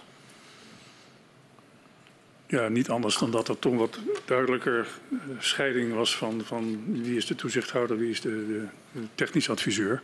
U kunt het advies ook lezen dat uh, men onder andere zijn advies be, uh, baseert op controleberekeningen van TNO. Ja. Dus we zaten toen in, in, die wat andere rol. Misschien die langer geleden ook wel zo was, maar input leverend voor een toezichthouder. Dus er was geen uh, samenhang met de inhoud van. Er was geen oneenigheid over uh, hoe het winningsplan beoordeeld werd. Nee, daar zijn wij nog niet aan toegekomen. We hebben toen input geleverd. Wat mij ook wel uh, in positieve, op, positieve zin opviel, is dat dat advies ook verwijst naar een aantal onderzoeken van de elf die in 2013 zijn uitgevoerd. Dus daar komen een aantal dingen samen van ik zeg ja, constructief uh, resultaat. Zonder ja. dat daar meteen de handtekening van twee partijen onder staat. Um, in, in de periode daaraan voorafgaand komen we regelmatig winningsplannen tegen. En niet alleen bij de NAM, maar ook vele andere uh, winningsplannen die wel samen uh, ondertekend werden. Wanneer, de, de, is daar een soort, lag er een soort formeel besluit aan ten grondslag om die taakverdeling meer weer uit elkaar te halen? Oh, uit elkaar te halen. Ja. Ja, ik moet eerlijk zeggen dat, uh, hoewel ik dus betrokken ben geweest bij het ontstaan van het instrument winningsplan. En ook de, de, de eerder, eerste versies wel heb meegemaakt. Op een gegeven moment dat uh, niet meer het geval was. Dus ik zou niet eens meer weten hoe dat vandaag de dag gaat. Maar ik heb sterk het gevoel, nee, ik weet wel zeker dat de, nu zelf advies uitbrengen over een winningsplan. Los van staatstoezicht. En, en af en toe komt het best voor dat staatstoezicht ons nog technisch input vraagt voor hun advies. Dus ja. dat kan naast elkaar bestaan. En het was toen geen, geen anomalie. Het was geen uh, ongebruikelijkheid dat, uh, dat TNO dat winningsplan niet, uh, of de, de beoordeling daarvan niet mede ondertekende. Nou ja, in het geval van het winningsplan 2013, als u daar aan refereert. Nee, dat... nee maar ook andere winningsplannen. Ik bedoel. Ja, ik geloof niet dat dat de laatste jaren uh, gebeurde op de manier waarop dat in het uh, eerdere verleden wel zo was. We hadden het net over samenwerking met uh, KNMI en de taakverdeling daartussen. Uh, het is een complex veld qua uh, kennisinstellingen en de, de, de taakverdeling. Um, bent u onderwerpen tegengekomen met betrekking tot de ondergrond die wat u betreft onvoldoende bij kennisinstellingen zijn belegd? Onderwerpen die dreigen tussen wal en schip te vallen vanwege die verschillende kennisinstellingen? Um. Ja, helemaal, echt een beetje zwart-wit. Iedereen had al een beetje een stuk van de puzzel in, in huis. En ik heb net al aangegeven dat die meerwaarde juist zit in het leggen van de puzzel in gezamenlijkheid. En uh, dat ook doen met de bedoeling om uh, duidelijk te krijgen welk onderzoek uh, urgent is om, om te gaan doen. zo zie ik samenwerking. Voor mij hoeft dat niet organisatorisch allemaal eenheden te zijn. Dat, dat, dat, dat hoeft helemaal niet. Ja, dat is mijn persoonlijke mening. En, en nogmaals, de TNO-organisatie werkt uh, heel erg sterk en steeds meer in een netwerkachtige situatie. Hoewel er natuurlijk een organisatiestructuur is waar, waar, mensen hun thuisbasis hebben, dat is evident. Um, er is inderdaad sprake geweest, kennelijk, van, van het plan om KNMI-seismologie bij uh, het NITG op te nemen. Ja, dat plan heeft het niet gehaald. Maar dat heeft de, de verhoudingen wat mij betreft met KNMI verder nooit uh, veranderd. Maar wie is er dan uiteindelijk verantwoordelijk voor die puzzel? Want, uh, ja, dat is een goede vraag. En wat zou uw antwoord erop zijn? Ja, ik zou zeggen dat, dat uh, wij doen dus toegepast onderzoek met TNO. Met de bedoeling om dat maatschappelijk meerwaarde mee te geven. Kortom, je werkt altijd vanuit een maatschappelijk vraagstuk. En het onderkennen van het belang van dat vraagstuk vertaalt zich weer in de noodzaak om daar zo'n instrument voor te ontwikkelen. En dus het onderzoek. Hè, dus het onderzoek wordt vaak bottom-up uh, vormgegeven, zonder dat het misschien duidelijk is waar het uh, zal, eindigen. Maar in een toegepaste adviserende rol moet je toch leren andersom ook te kijken vanuit de behoeften vanuit de maatschappij. En dat moet ook uh, aangeven waar, welke partijen waar op moeten samenwerken en kennis ontwikkelen zonder die, die, dat richtsnoer blijft het een beetje ja, ad hoc. Dan blijft mijn vraag wie er uiteindelijk verantwoordelijk is dat die puzzel ook gelegd wordt. Ja, het hangt een beetje af van wat dan dat eindproduct moet zijn en in wiens handen dat moet landen. Uh, dat is een beetje lastig in dit dossier, want formeel is natuurlijk de, de operator volgens de mijnbouwwet verantwoordelijk voor niet alleen zijn eigen operaties, maar ook de effecten en, enzovoorts daarvan. Ja. Dus dan zou je zeggen, dan is het aan de operator om ook eventueel kennispartijen uit te nodigen en, en, en zichzelf te laten organiseren op een manier die dat instrument tot stand laten komen. Aan de andere kant is er ook de behoefte, zeker in het Groningen dossier, om dat onafhankelijk te laten zijn. Dus op het moment dat de NAM zaken financiert, hoe hoog kwaliteit product dat ook mogen zijn, heeft altijd een beetje de, de schaduw van uh, niet onafhankelijk zijn. En het ministerie? Sorry? En het ministerie als eindverantwoordelijke? In de situatie dat de, dat de operator daar dus niet aan toe komt of onvoldoende toe in staat wordt gesteld, ja, dan zou ik zeggen het ministerie. En dat is ook een beetje de gang van zaken geweest. Hè? Dus sinds een jaar of vijf krijgen we wel degelijk de middelen om uh, aan Groningen uh, niet alleen die software te ontwikkelen, maar ook de, de, de kennis eromheen te ontwikkelen. En uh, dus programma's als CAM en DeepNL. Dus ja. sinds een jaar of vijf kun je zeggen dat er toch echt wel een forse investering van die kant is in het onderzoek.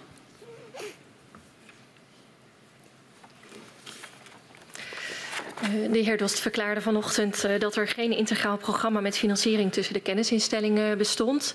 Enkel kennisuitwisseling in het technisch platform aardbevingen.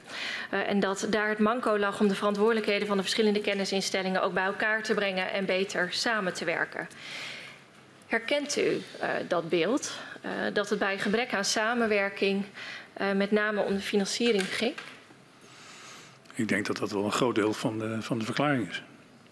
Maar het gaat ook vol om de langjarige financiering. Het gaat niet om een, om een vraagje die in een paar weken of een paar maanden oplost. Maar echt om een inspanning die langjarig is en multidisciplinair is. Dus dat, dat kan niet een van de instellingen in zijn eentje doen. Daar heb je elkaar altijd bij nodig. En uh, ja, zo gaat het in het leven. Als je daar een programma voorstel maakt, dan wordt er altijd ook het prijskaartje bij ge, gelegd. En dat is een aantal keren gebeurd, uh, ook in het langere verleden. Maar uh, niet, niet van de grond gekomen. Mm. U, zegt langjarig. ik denk dat we met de gaswinning uit het Groningenveld bij uitstek iets hebben wat langjarig is. Ja. Al heel lang. Ja. En waar je ook nou ja, een redelijke scope voor uit kon kijken. Jawel, maar het gaat er dus om als je, als je een, een zo integraal onderzoeksvoorstel maakt voor een dossier Groningen, dan gaat het om een hoop uh, mensen, deskundigen, een hoop geld en een hoop tijd. Uh, dus dat is vijf jaar minimaal. Ik bedoel, voor één jaar uh, krijg je niet veel. Dat zie je ook aan het onderzoek van de NAM. Die heeft daar enorm veel in geïnvesteerd met heel veel deskundigen van de, over de hele wereld is toch, toch al een jaar of vijf en meer bezig om, om die modellen de kwaliteit te geven die je ervan verwacht in de, in de inzet die het heeft in, in dit dossier.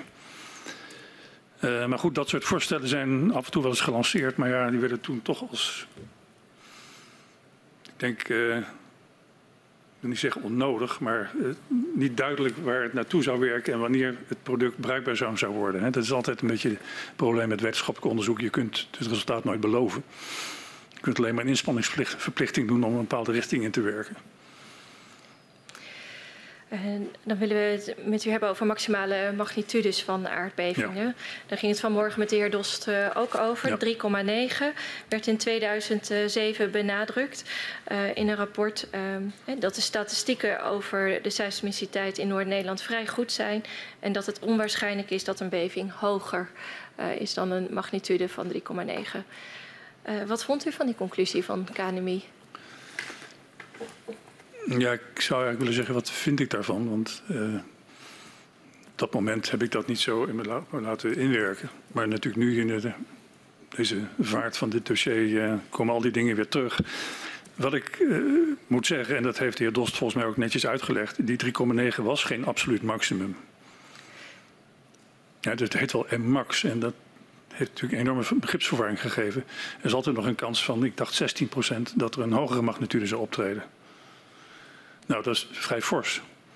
Als we naar de huidige verdeling van magnitudes kijken, zitten die daar niet heel ver vandaan. Het enige is dat je puur statistisch die, die rest van die verdeling, dus wat, die 16% die je mist, die kun je niet vormgeven.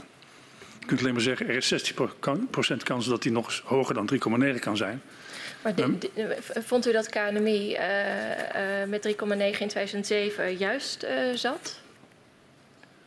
Nou ja, ik zeg al, het begint ermee dat de, de, de, dit resultaat verkeerd het, het helpt als u zegt uh, ja of nee. En dan stel ik mijn volgende vraag. Nou, de statistische analyse op zichzelf zal correct zijn. In 2012 uh, gaf uh, TNO vervolgens aan dat de maximale magnitude niet 3,9 was, maar 4,5. En dat een magnitude van 7 ook niet uit te sluiten viel. Welke partij, sorry, zei dat? TNO. 7? Nou, dat... Waarin verschilde TNO van mening met KNMI over die maximale magnitude? Ik zou toch graag even willen weten welk rapport of welke datum u bij die mededeling heeft staan. Zeker. Uh, in 2012, dat is op 8 oktober 2012, dat is de eerste presentatie van de bevindingen aan EBN, NAM, KNMI, uh, TNO, Research Lab, Shell.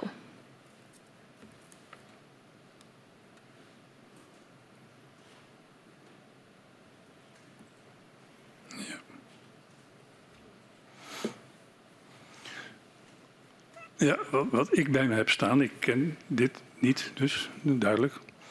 Is ook het verhaal wat Bernard Dos vanochtend deed, is dat Shell op een gegeven moment uh, heeft gezegd: Nou, laat ik eens even alle energie die in Groningen voorhanden kan zijn in de toekomst, in één aardbeving vrij laten komen. Erger kan het nooit worden. En dat kwam uit 6,5. Um, daarvan was denk ik iedereen overtuigd dat dat een zeer onwaarschijnlijke scenario zou zijn. Het was denk ik om, om, te voorkomen, dat heb ik ook wel zo begrepen, dat men in de komende jaren daarna terug zou moeten komen op dat maximum. En dat het weer omlaag zou moeten worden bijgesteld. Dat is natuurlijk ja, voor de beeldvorming heel slecht. Dat je van 3,9 naar, 6, naar, naar, naar 4,5 gaat en dan, nou ja, dat het te veel gaat schaatsen, zal ik maar zeggen.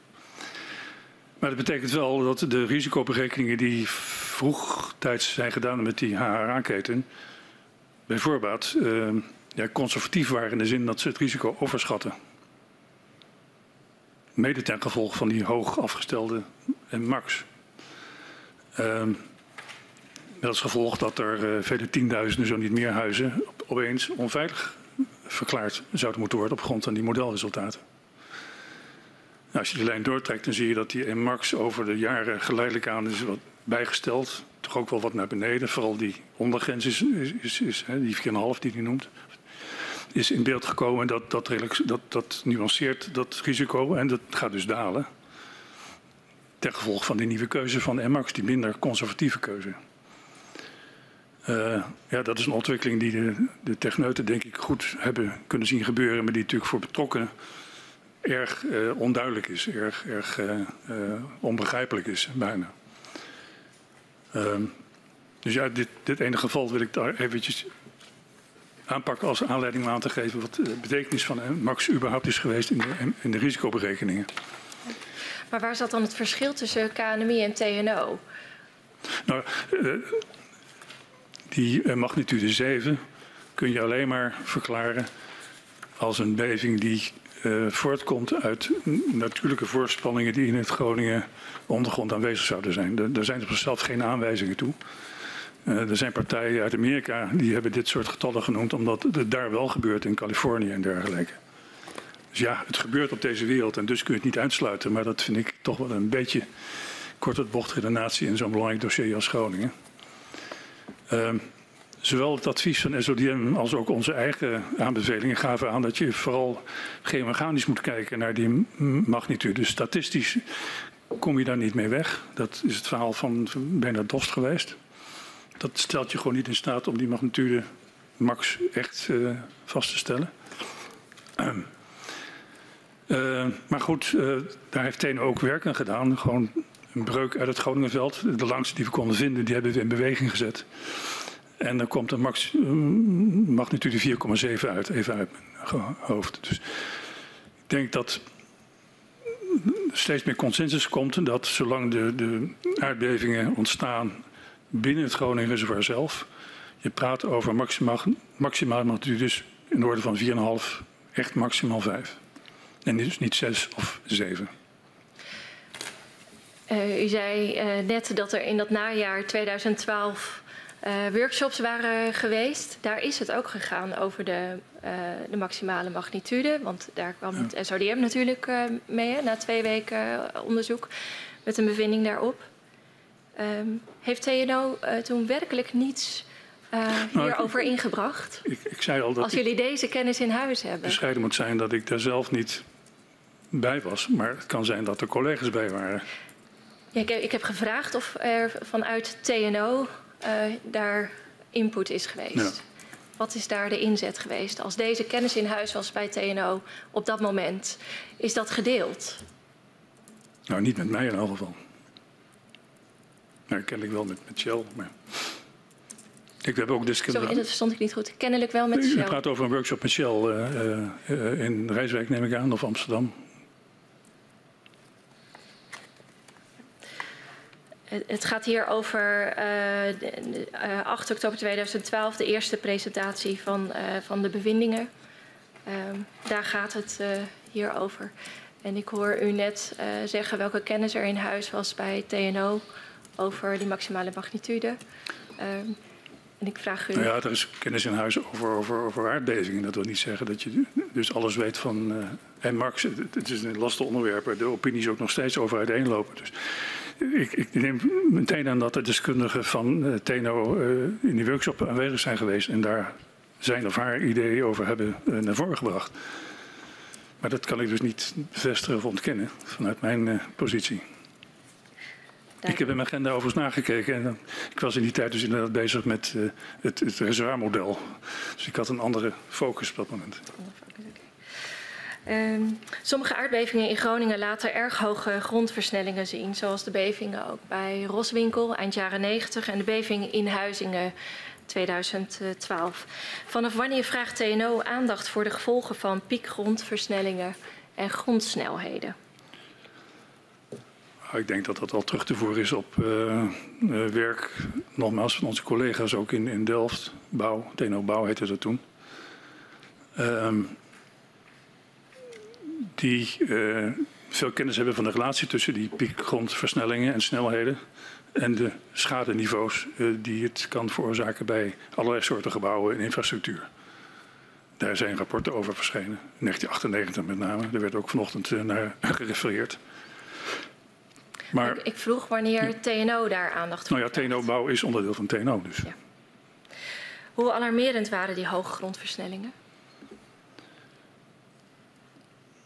Um, ja, het is niet mijn expertisegebied, de, de, de, de, bovengrond. Uh, er zijn geen rapporten over verschenen, naar mijn weten, vanuit TNO die dat alarmerend zouden vinden.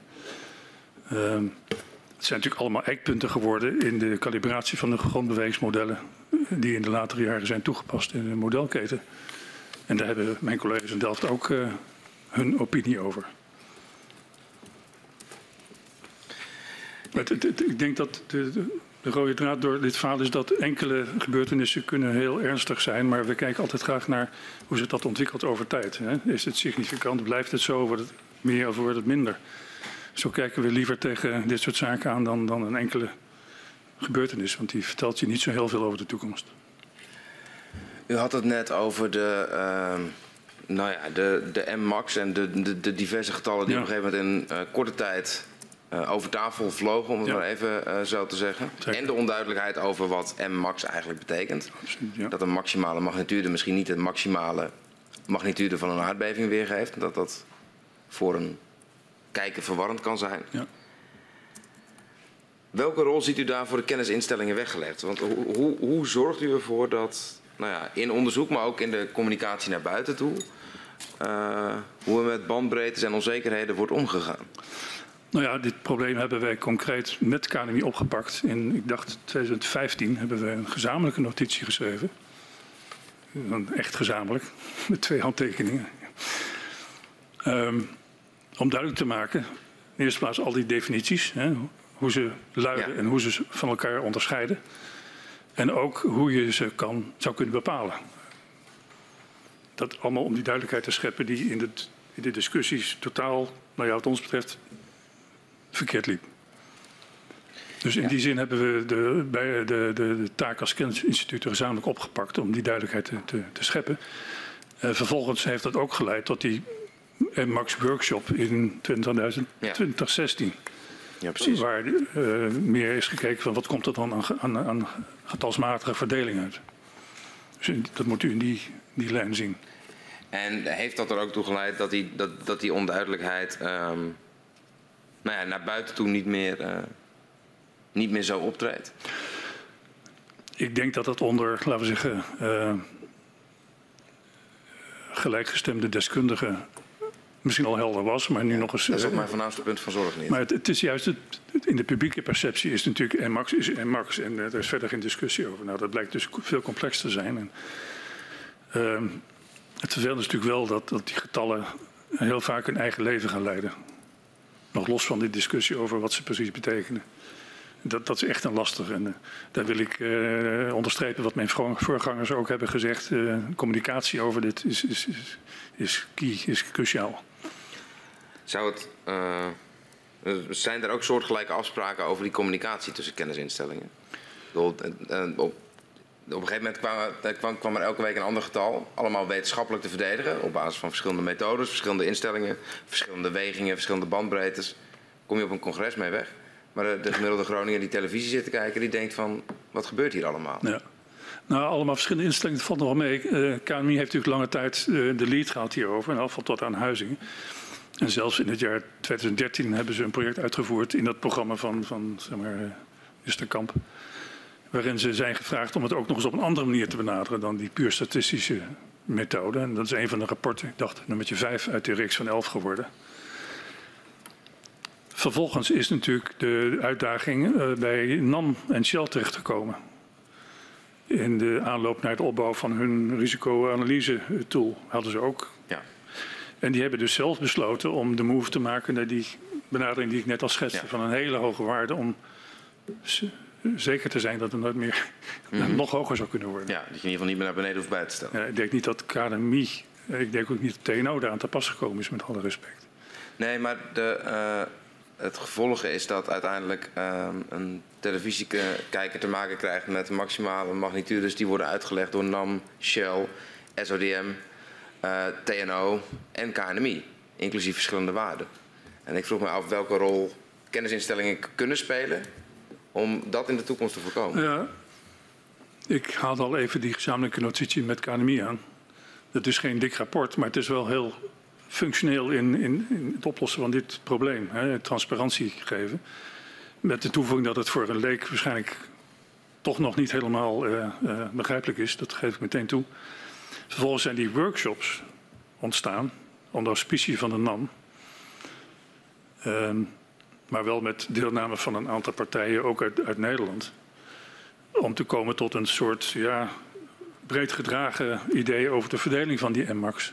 Dus dat is niet meer aan één instituut te koppelen. Dat is een, ja, een gedragen opinie. Waarvan ik overigens bij TNO heb gezegd van wij willen ons niet bij voorbaat binden aan de uitkomst. Maar dat is, dat is een, misschien een nuance. We hebben ook achteraf daar weer eh, commentaar op willen leveren. Ja. Uh, maar dat is een beetje het ontwikkeling geweest. KNMI is lange tijd aan zet geweest. Ja. NAM kwam vanzelf aan zet vanwege hun, hun opdracht om die HARA te gaan maken. Met de gevolgen die ik net schetste. En vervolgens is dan de zaak wat breder getrokken in die Max workshops van uh, 2016 en, uh, en, dit jaar. En wanneer je het hebt over onzekerheidsmarges richting het nou ja, wat meer bestuurlijke domein, laat ik het zo zeggen. Ja. Ehm, hoe is uw ervaring dat daarmee omgegaan wordt met uh, de onzekerheden die wetenschappelijk onderzoek soms met zich meebrengen? Nou ja, dat heeft ook wel met MAX te maken, maar meer nog uiteindelijk aan het eindproduct van zo'n modeltrein. Hoeveel panden verklaar je op een gegeven moment, uh, moet je onveilig verklaren op grond van deze modelresultaten? Daar rollen getallen uit die natuurlijk ergens op tafels landen van ja. mensen die daar iets verder mee moeten. Uh, dan komen processen op gang van wat moeten we met, met, met, met, met die waarneming? Hè? Moeten we gaan inspecteren? Eh, compensatie, eh, versterkings, eh, nou ja, het hele verhaal. Um, ja, dan zie je dat die processen misschien wel zo traag lopen dat onderwijl de kennisontwikkeling rond die risicoanalyse weer voortschrijdt, maar niet kan worden gebruikt in het proces van die versterkingsopgave en, en dergelijke. Dus dat tempoverschil vind ik ook een belangrijke ja. observatie. Het was misschien in de jaren voorhuizing net andersom. Kennisontwikkeling wat sneller had kunnen lopen. Maar na huizing ging dat allemaal zo snel dat het bestuurlijk allemaal misschien niet, niet meer zo makkelijk bij te stoppen was. Uh, dan gaat het, uh, een deel hiervan gaat over hoe, hoe uh, toenemende kennis wordt gecommuniceerd. Een deel gaat ook over het belang van de toenemende kennis zelf natuurlijk. Ja, ja. Um, nou hoorde ik onlangs uw TNO-collega René Peters in een recente NOS-podcast. en die zei twee dingen die, ehm, die mij triggerden. Namelijk er is te weinig en te laat geïnvesteerd in kennisopbouw naar de negatieve effecten. Um, en ook dat vanwege het financiële belang van het Groningenveld het wel in de reden had gelegen om dat wel te doen. En misschien zelfs dat heropening van het veld daarmee mogelijk zou zijn. Nou, dat laatste, dat vind ik wel een. Uh, ja. Nou ja, ik, ik, ik was uh, benieuwd naar uw reactie op het hele stuk, maar begint u vooral bij het laatste deel. Ik, ik vermoed dat hij met het laatste bedoelde het, uh, het op druk houden van het veld met iets als stikstof. dat idee bestaat ook al enige tijd.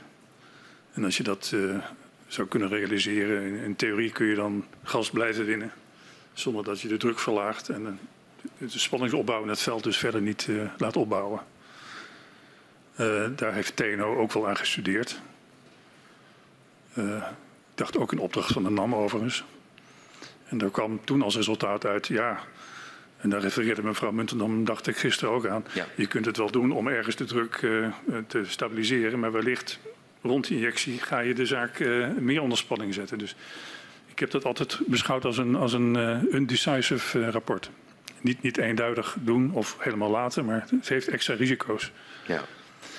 Um, een ander kantje is, NAM heeft dit ook al onderzocht in 2013 en 20, ja, 2013 toen er nog sprake was van een productieniveau van rond 40 miljard kub per jaar, of daaromtrent.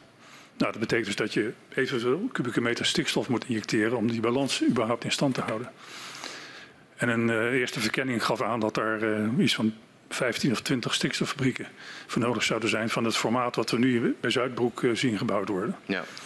Met enorme pijpleidingen door het veld. En aanlegkosten, ik dacht 10 miljard en operationeel een miljoen, of sorry, een miljard per jaar. Dat is toch niet zo'n haalbare kaart? En dat, dat, dat is een financiële argument, maar technisch heb ik steeds gezegd van je kunt het nooit zo sturen dat je de, de, spanningsopbouw op al die individuele breuken in balans kunt, kunt houden. Het, het, verhaal is weer teruggekeerd eh, nu de productie zoveel lager is. Dus je zou met minder stikstoffabriek ja. uit kunnen. Hè, dus zeg maar eh, tien keer minder of zo. Um, maar het probleem blijft toch een beetje van als je te ver van de productieput die je openhoudt injecteert, dan duurt het te lang voordat die drukopbouw uh, effect heeft.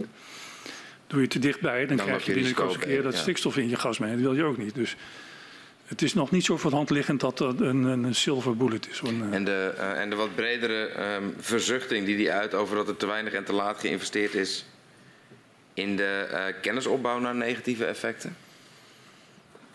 Nou ja, feit is dat uh, TNO tot twee keer toe een, een, initiatief heeft genomen, ook met andere partijen, universiteiten, TU Delft, om tot een nationaal programma te komen. Het eerste is, dacht ik, in 2013 gelanceerd. Ja. En, de, en het andere in 2015. Uh, ja, ik ken het verdere verloop daarvan niet in de zin van hoe is daarover gecommuniceerd met degene die dat geld zouden moeten fourneren. Of dat... Nee, maar ik vroeg ook niet per se naar, naar wat TNO gedaan heeft, maar of u uh, de analyse van uw collega deelt dat ja. er te weinig en te laat uh, geïnvesteerd is in die kennisopbouw na negatieve gevolgen van de gaswinning.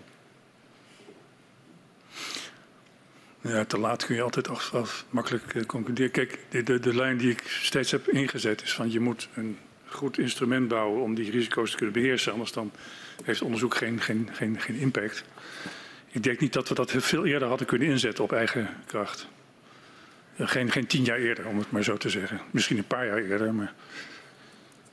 Nee. Ja. Dus overigens op dit punt wil ik ook onder, uh, onderstrepen dat er geen instrumenten bestonden. Je kon niks van de plank kopen op dit punt. Hè. Dus het is niet iets van je investeert in iets wat je koopt en een beetje modificeert. Ja. Je moest echt volledig maatwerk leveren. Ja. In opdracht van het ministerie van Economische Zaken is TNO sinds 2020 verantwoordelijk voor het inschatten van risico's op aardbevingen in Groningen. De zogenoemde seismische dreigings- en risicoanalyse, de SDRA. Uh, dit was voorheen een verantwoordelijkheid van de NAM. Ja. Aan het begin gaf u daar zelf ook al mm -hmm. uh, iets over aan in dit verhoor. Klopt. Hoe ziet het huidige TNO-model, het SDRA-model, eruit vergeleken met de oudere modellen van NAM? Nou ja, als je daar een, een, een cartoon van maakt, dan ziet hij hetzelfde uit. Hè. Dus de, de, de blokken, de, de, treinwagons zijn allemaal dezelfde. Alleen uh, als je de wagon opent, dan zit er hier en daar andere programmatuur in andere, andere concepten. Uh, het is zo gegaan dat we als eerste de opdracht kregen om de modeltrein van NAM na te bouwen. Op grond van alleen de rapporten die erover bestonden. Nou, daar zijn we braaf mee aan de gang gegaan. Ik dacht binnen een half jaar hadden we een, een prototype.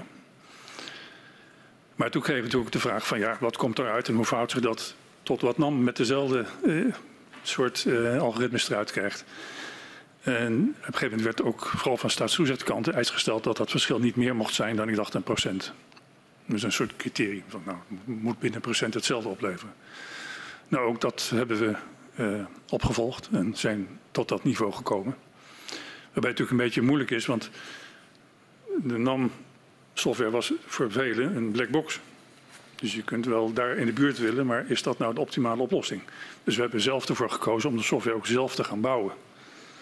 Dus niet de software uh, per USB-stick naar uh, zeg maar Utrecht laten komen, te laden op onze computers en, uh, en zo verder te gaan. Want dan zou je onafhankelijkheid ja, te grabbel gooien. Had u daarvoor kennis nodig of toegang nodig ook tot de software van NAM? Nou, in de eerste tijd hebben we dat bewust dus niet willen doen. Want als je software hebt, dan heb je misschien te veel de neiging om daar naar te kijken. En dat wilden we absoluut niet. Maar goed, na een jaar of anderhalf, twee, eh, hadden we het niveau bereikt dat we ongeveer vergelijkbare resultaten kregen. Maar wel de behoefte hadden om eens te kijken hoe het dan in die trein uh, toeging. En uh, nou, dat, dat is ook gebeurd. Ik meen dat Staatstoezicht ervoor heeft gezorgd. Maar het maakt verder niet zoveel uit. Die code hebben we gekregen. En, Wanneer kreeg u die code? Sorry? Wanneer kreeg u die code? Oeh, ik schat begin 2019. Ieder geval uh, enige tijd nadat we zelf al aan de gang waren geweest. Ja, eerst eigen kracht bezig geweest en toen kregen we die code. En dan zie je dus wat er aan subtiele numerieke keuzes zijn gemaakt. Dat is voor een buitenstaander totaal niet zichtbaar. Daar kwamen we toen pas achter. Kunt u uh, aangeven tot wat voor inzicht uh, dat leidde? Of ja, wat voor impact uh, dat misschien heeft, die verschillen? Ja, nou ja, het zijn geen verschillen die die orders van grootte op het risico uitmaken hoor. Dat kan ik er meteen, meteen bij zeggen. Maar uh, ja, we hechten toch wel aan, aan, consistentie. Hè? Dus dat je, dat je zo'n model, zo'n Gelos model goed representeert in die, in die software. Dat, dat, daar hechten wij veel waarde aan. Dat, dat, niet, uh, hè, dat er geen oneigenlijke keuzes worden gemaakt of te gemakkelijke keuzes. Uh, calibratiemethodes zijn ook zoiets. Je kunt wel zeggen, ik heb een gecalibreerd model, maar laat er maar zien hoe het gedaan is. Dat is best nog wel een aparte uh, kunst. Dat zijn allemaal dingen die in die tweede fase van de ontwikkeling zijn gebeurd. In de aanloop naar het moment uh, in begin 2020 dat we de officiële taak uh, oppakten en gingen uitvoeren. En we hebben in die tijd uitvoerig contact gehad met de NAM-ontwikkelaars over onze bevindingen. Ja, soms herkenden ze die wel, soms herkenden ze niet. Maar in ieder geval is daar wel een open discussie over geweest. Een open een discussie met de NAM-ontwikkelaars? Uh, ja, de, nou, in dit geval Shell-ontwikkelaars. Ja. Um, volgens Hans de Waal maakt TNO niet gebruik van de laatste kennis over bodemdaling en dan vooral de mate van kruip. Klopt het dat TNO kruip uh, niet heeft verwerkt in het model? er zijn twee dingen die wij maken wel gebruik van het kruipmodel voor de bodemdaling. En uh, Hans de Waal is de geestelijke vader daarvan, dus uh, voor hem alle credits. Maar we hebben dat in het jaar 2014 operationeel gemaakt in ons eigen Groningen model. Zorg dat het numeriek ook goed doorrekent. Maar er is een publicatie over verschenen. Ik ben daar co-auteur van. Kortom, er is geen sprake van dat we het model niet zouden willen, willen gebruiken. We gebruiken het met, uh, met verven. Maar de tweede deel van de vraag is waarom gebruik je het niet voor de voorspelling van aardbevingen? En dat is waar Hans de Waal wellicht op uh, doelt. En, uh, en, geeft u daar eens antwoord op? Ja, ja nou, ik zal dat proberen te doen. Kijk, compactie is vanaf de vroege dagen gezien als de drijvende kracht van de aardbevingen. Maar dat is eigenlijk maar een, uh, een benaderende parameter. De vakterm heet dat een proxy. Hè, dus een benadering van de werkelijke oorzaak van een beving. En dat is de spanningsverandering op de breuk. En daar heb je in uitzichtgeval niet eens compactie voor nodig. Dus compactie is echt een, een benaderende parameter voor wat er werkelijk op het breukvlak gebeurt. En daar richt ook het onderzoek bij TNO zich dus nu op. Dus probeer weg te komen van, die, van de onnodige benadering. Probeer echt te kijken hoe het breukvlak reageert. En wat daar de eigenschappen van zijn. Um, dat is een andere beeld dan uh, in het model van 2013, waar Hans de Waal ook uh, de kruip in het seismologisch model heeft uh, gerepresenteerd. Daar wordt het wel gezien als de drijvende kracht van de, van de, van de aardbevingen. En ik heb al gezegd, ik waardeer die, die, die, inspanning, maar we kijken er nu toch genuanceerd anders tegenaan. En het is ook zeker relevant, waar ik aan toevoegen, aan te begrijpen van hoe de aardbevingen in de toekomst van Groningen zich zullen gaan gedragen. Ja, dus die, de opbouwfase van de aardbevingen hebben we gezien en kunnen met een model goed uh, benaderen. Maar nu de kraan is en wordt dichtgedraaid, is natuurlijk de vraag: kan datzelfde model ook gebruikt worden in de, in de staart van de aardbevingen? En daar komt dit kruipfenomeen mogelijk misschien een andere gedaante ook weer in terug. Dus ik heb een erg genuanceerd antwoord, maar kruip is zeker in, staat op onze agenda. Ja. ja. Um, maar het zit niet in het uh, model waarmee de nee. risico's worden berekend. Welke gevolgen heeft dat? Het, het, zit in die zin, kijk, het model rekent met de totale compactie van het Groningen reservoir. En de nuance die eh, Hans de aanbrengt, dat die compactie bestaat uit een zogenaamd elastisch deel, iets wat nog kan terugveren, en een inelastisch deel, wat dat niet meer doet. Dus het zit impliciet wel in de totale compactie die we gebruiken. Maar het onderscheid tussen elastisch en elastisch maken we niet in de aardbevingsvoorspelling. En of dat terecht is of niet, dat is nou precies het onderwerp van de studie waar we mee bezig zijn. En wat betekent uh, de, deze opdracht uh, die het ministerie heeft uh, gegeven om het om de risico's te berekenen voor de onafhankelijke adviesfunctie van TNO? Ja, um, de opdracht aanvankelijk was, zoals ik die schetste, van bouw die HRA-trein van de NAM na en maak hem operationeel voor het publieke domein. Um, daar is ja, natuurlijk best gesproken over hoe organiseer je dat, uh, wie doet wat, wie is waarvoor verantwoordelijk. Maar op een gegeven moment is ook aangedragen dat het geflankeerd moet zijn met ook kennisontwikkeling. Dus is niet alleen maar het draaien van software, want dat zou je bij wijze van spreken ook kunnen uitbesteden. Maar het actief bezig zijn met het ontwikkelen van die software en de modellen daar, daarin is integraal onderdeel van die opdracht geworden. En dat heeft voor TNO een enorme positieve wending gegeven in de mogelijkheden om uh, iets bij te dragen in dit uh, dossier. En de onafhankelijkheid bestaat eruit dat wij enerzijds de software draaien op de specificaties die we ontvangen van, van de opdrachtgever, het ministerie. Die daar wordt geadviseerd door staatstoezicht en een, en een campanel.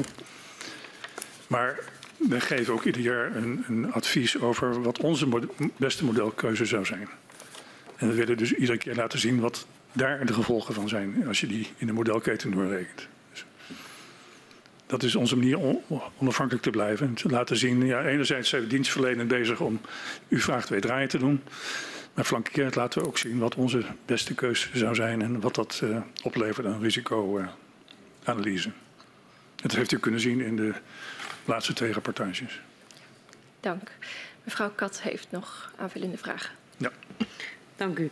Um, ik ga met u terug naar 2009, uh, naar een TNO-onderzoek waaruit blijkt dat er duidelijke indicaties zijn dat preventieve maatregelen in specifieke gevallen het risico op dringelingen kunnen verminderen. Um, eind 2000, uh, tenminste eind oktober 2009 deelt uh, TNO de resultaten met het ministerie van Economische Zaken. En in die brief beveelt TNO aan om, ik citeer, bij nadere analyse gebruik te maken van meer en hogere resolutiedata van het Groningenveld. In het bijzonder het NAM Field Review model van het Groningenveld. Ja. En dit ondergrondmodel van NAM heeft TNO op dat moment niet. Bestaat ook nog niet. Nou, in de documenten voor de enquêtecommissie die wij dus ontvangen hebben, benadrukt uh, TNO dat het bouwen van een beter ondergrondmodel destijds urgent was. Hm. Waarom had TNO geen toegang tot betere data over het Groningenveld? We hadden wel toegang tot de, de, bijvoorbeeld de seismische gegevens. En de, de, de, de, ja, de boorgatgegevens en dergelijke. Dus daar lag het niet in. Het gaat erom dat je zo'n model moet bouwen daaruit. En daar zit de, de enorme inspanning in. Die seismische gegevens moeten worden bewerkt.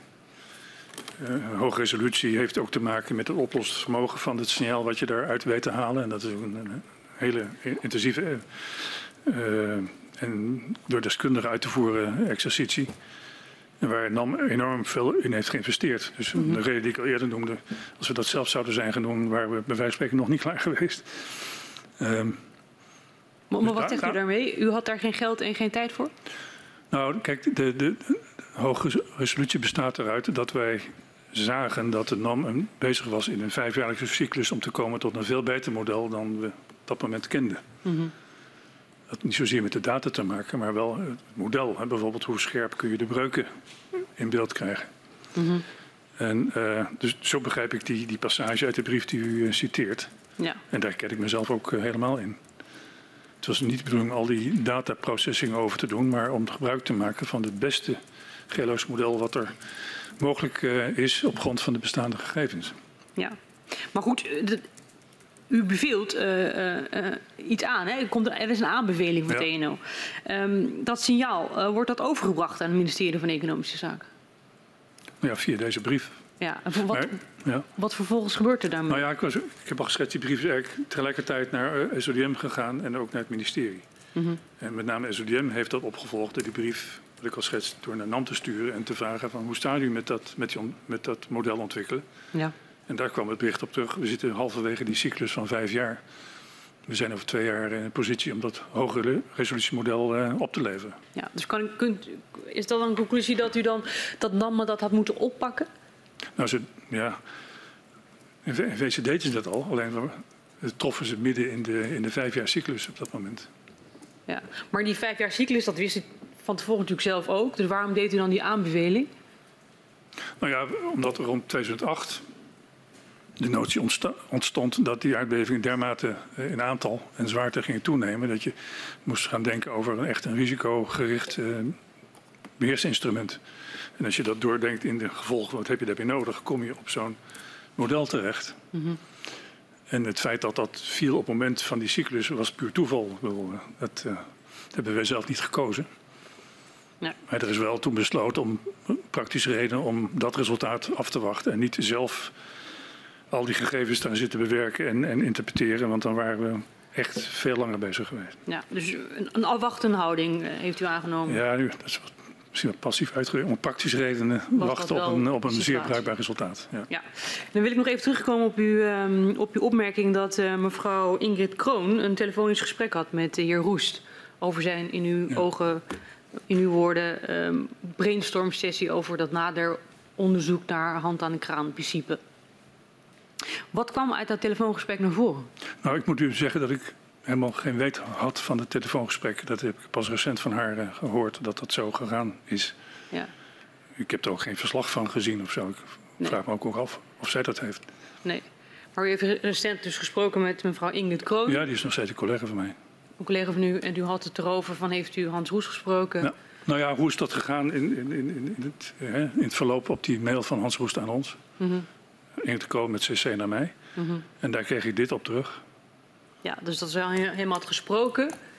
Maar niet gedocumenteerd, als u dat zo zou willen noemen. Nee, dus meer kon u u daarover niet vertellen waarom zijn verzoek eh, wel of niet gehonoreerd zou worden. Nou ja, dat kwam wel neer op wat ik u ook eerst schetste. Dat wij al onze pijlen hadden gericht op een ander ontwikkelingsspoor. En op dat moment eh, het ontwikkelen van een hand de kraanachtig instrument. Zo heette dat toen nog niet, maar daar komt het wel op neer. Niet de hoogste prioriteit had. Dat zou nog een lege huls zijn geweest op dat moment. Mhm. Zonder zo'n model. Oké. Als we nou terugkijken naar die periode van eh, tien jaar na de beving van Huizingen. Ja. eh, op welk moment had TNO vanuit haar adviesrol of wettelijke taak anders kunnen handelen om risico's eerder in beeld te hebben of aan te kaarten? Hmm. Anders of eerder. Ja. Ja, ik, ik vraag u te reflecteren zoals we dat eigenlijk aan iedere getuige hier vragen. Wat had je nou anders kunnen doen? Vanuit de rol en de taak, vanuit het instituut waar je werkzaam bent, verantwoordelijkheden. Wat had je anders kunnen doen waardoor het misschien anders had kunnen lopen? Ja. Waar had TNO eerder aan kunnen kaarten dat er risico's waren? Ja, ik maak toch graag onderscheid tussen aankaarten en je onderzoeksinspanning. we hebben dingen voldoende snel aange, geagendeerd of aangekaart. Ik denk, uh, collega's bij bouw hebben al een heel vroeg stadium voor gepleit om, om de, in de sfeer van bouwnormen seismische belasting op te nemen bijvoorbeeld. Ja, dat is ook niet onmiddellijk gelukt. Dus ik denk het signaal wat we in 2009 afgaven ook, ook wel zo één is. Het, het is natuurlijk geen, geen eindproduct. Het is meer een, signaal van dit moet nu gaan gebeuren. De enige vraag die je, je zou kunnen stellen, had je dat jaren eerder kunnen doen? Als je dan terugdenkt aan de opmerking van Bernard Dos dat je toch een bepaalde hoeveelheid meetgegevens nodig hebt om te concluderen dat het een bepaalde kant uit gaat, dan geloof ik dat het niet meer dan vijf jaar eerder had gekund. Dat was al heel erg optimistisch. Uh, wat ik wel achteraf misschien denk, en dat is ook misschien vooruitkijkend, dat het ontwikkelen van een risicogericht instrument velerlei toepassingen zal kunnen krijgen, ook in andere dossiers dan Groningen. Uh, daar hadden we wellicht ook al eerder aan kunnen werken door kennis van de bovengrond en de ondergrond in die zin en risicomanagement te combineren. Intern, maar ook met andere partijen. Dat je zo'n instrument als klaar hebt staan als een dossier als Groningen zich aandient. Maar er waren denk ik in het verleden te weinig van dit soort dossiers die daartoe aanleiding gaven. Misschien wel in andere domeinen, buiten de, de ondergrond. Maar wat ik al zei, er was, er was naar mijn beste weten geen instrument voorhanden wat je zo van de plank kon halen en toepassen op Groningen. Dat moest echt ad hoc ontwikkeld worden. Een collega van mij heeft al gezegd, we zijn bezig geweest om een brug te bouwen terwijl we er overheen liepen. Ik vind dat een mooie, mooie beeldspraak. Dat geeft ook wel aan dat het ook niet allemaal heel veel eerder had gekund. Dank u wel. Ik heb nog één vraag aan u, omdat u net in antwoord op mevrouw Kat even in een bijzinnetje zei: het is er nog steeds niet. Dan dat u- ging volgens mij over het ondergrondmodel Groningen. Klopt dat? Heb ik dat goed gehoord? Jawel, dat is er wel. Oké, dan heb ik is het een, verkeerd. moet een andere zin geweest. Waar nee, Oké, nee, dat is, dat is eh, prima. Dan staat opgenomen. nee, nee, dat is, dat is er eh, sinds eh, eind 2012. Ja, dat Ja. dacht ik ook. Dus Ja. maar ik wou het even checken. Ehm we zijn uitgevraagd. Ik eh, dank u voor uw medewerking. Geldt ook voor uw eh, begeleider. En ik verzoek de griffier om eh, u beiden naar buiten te begeleiden. Prima, dank u wel.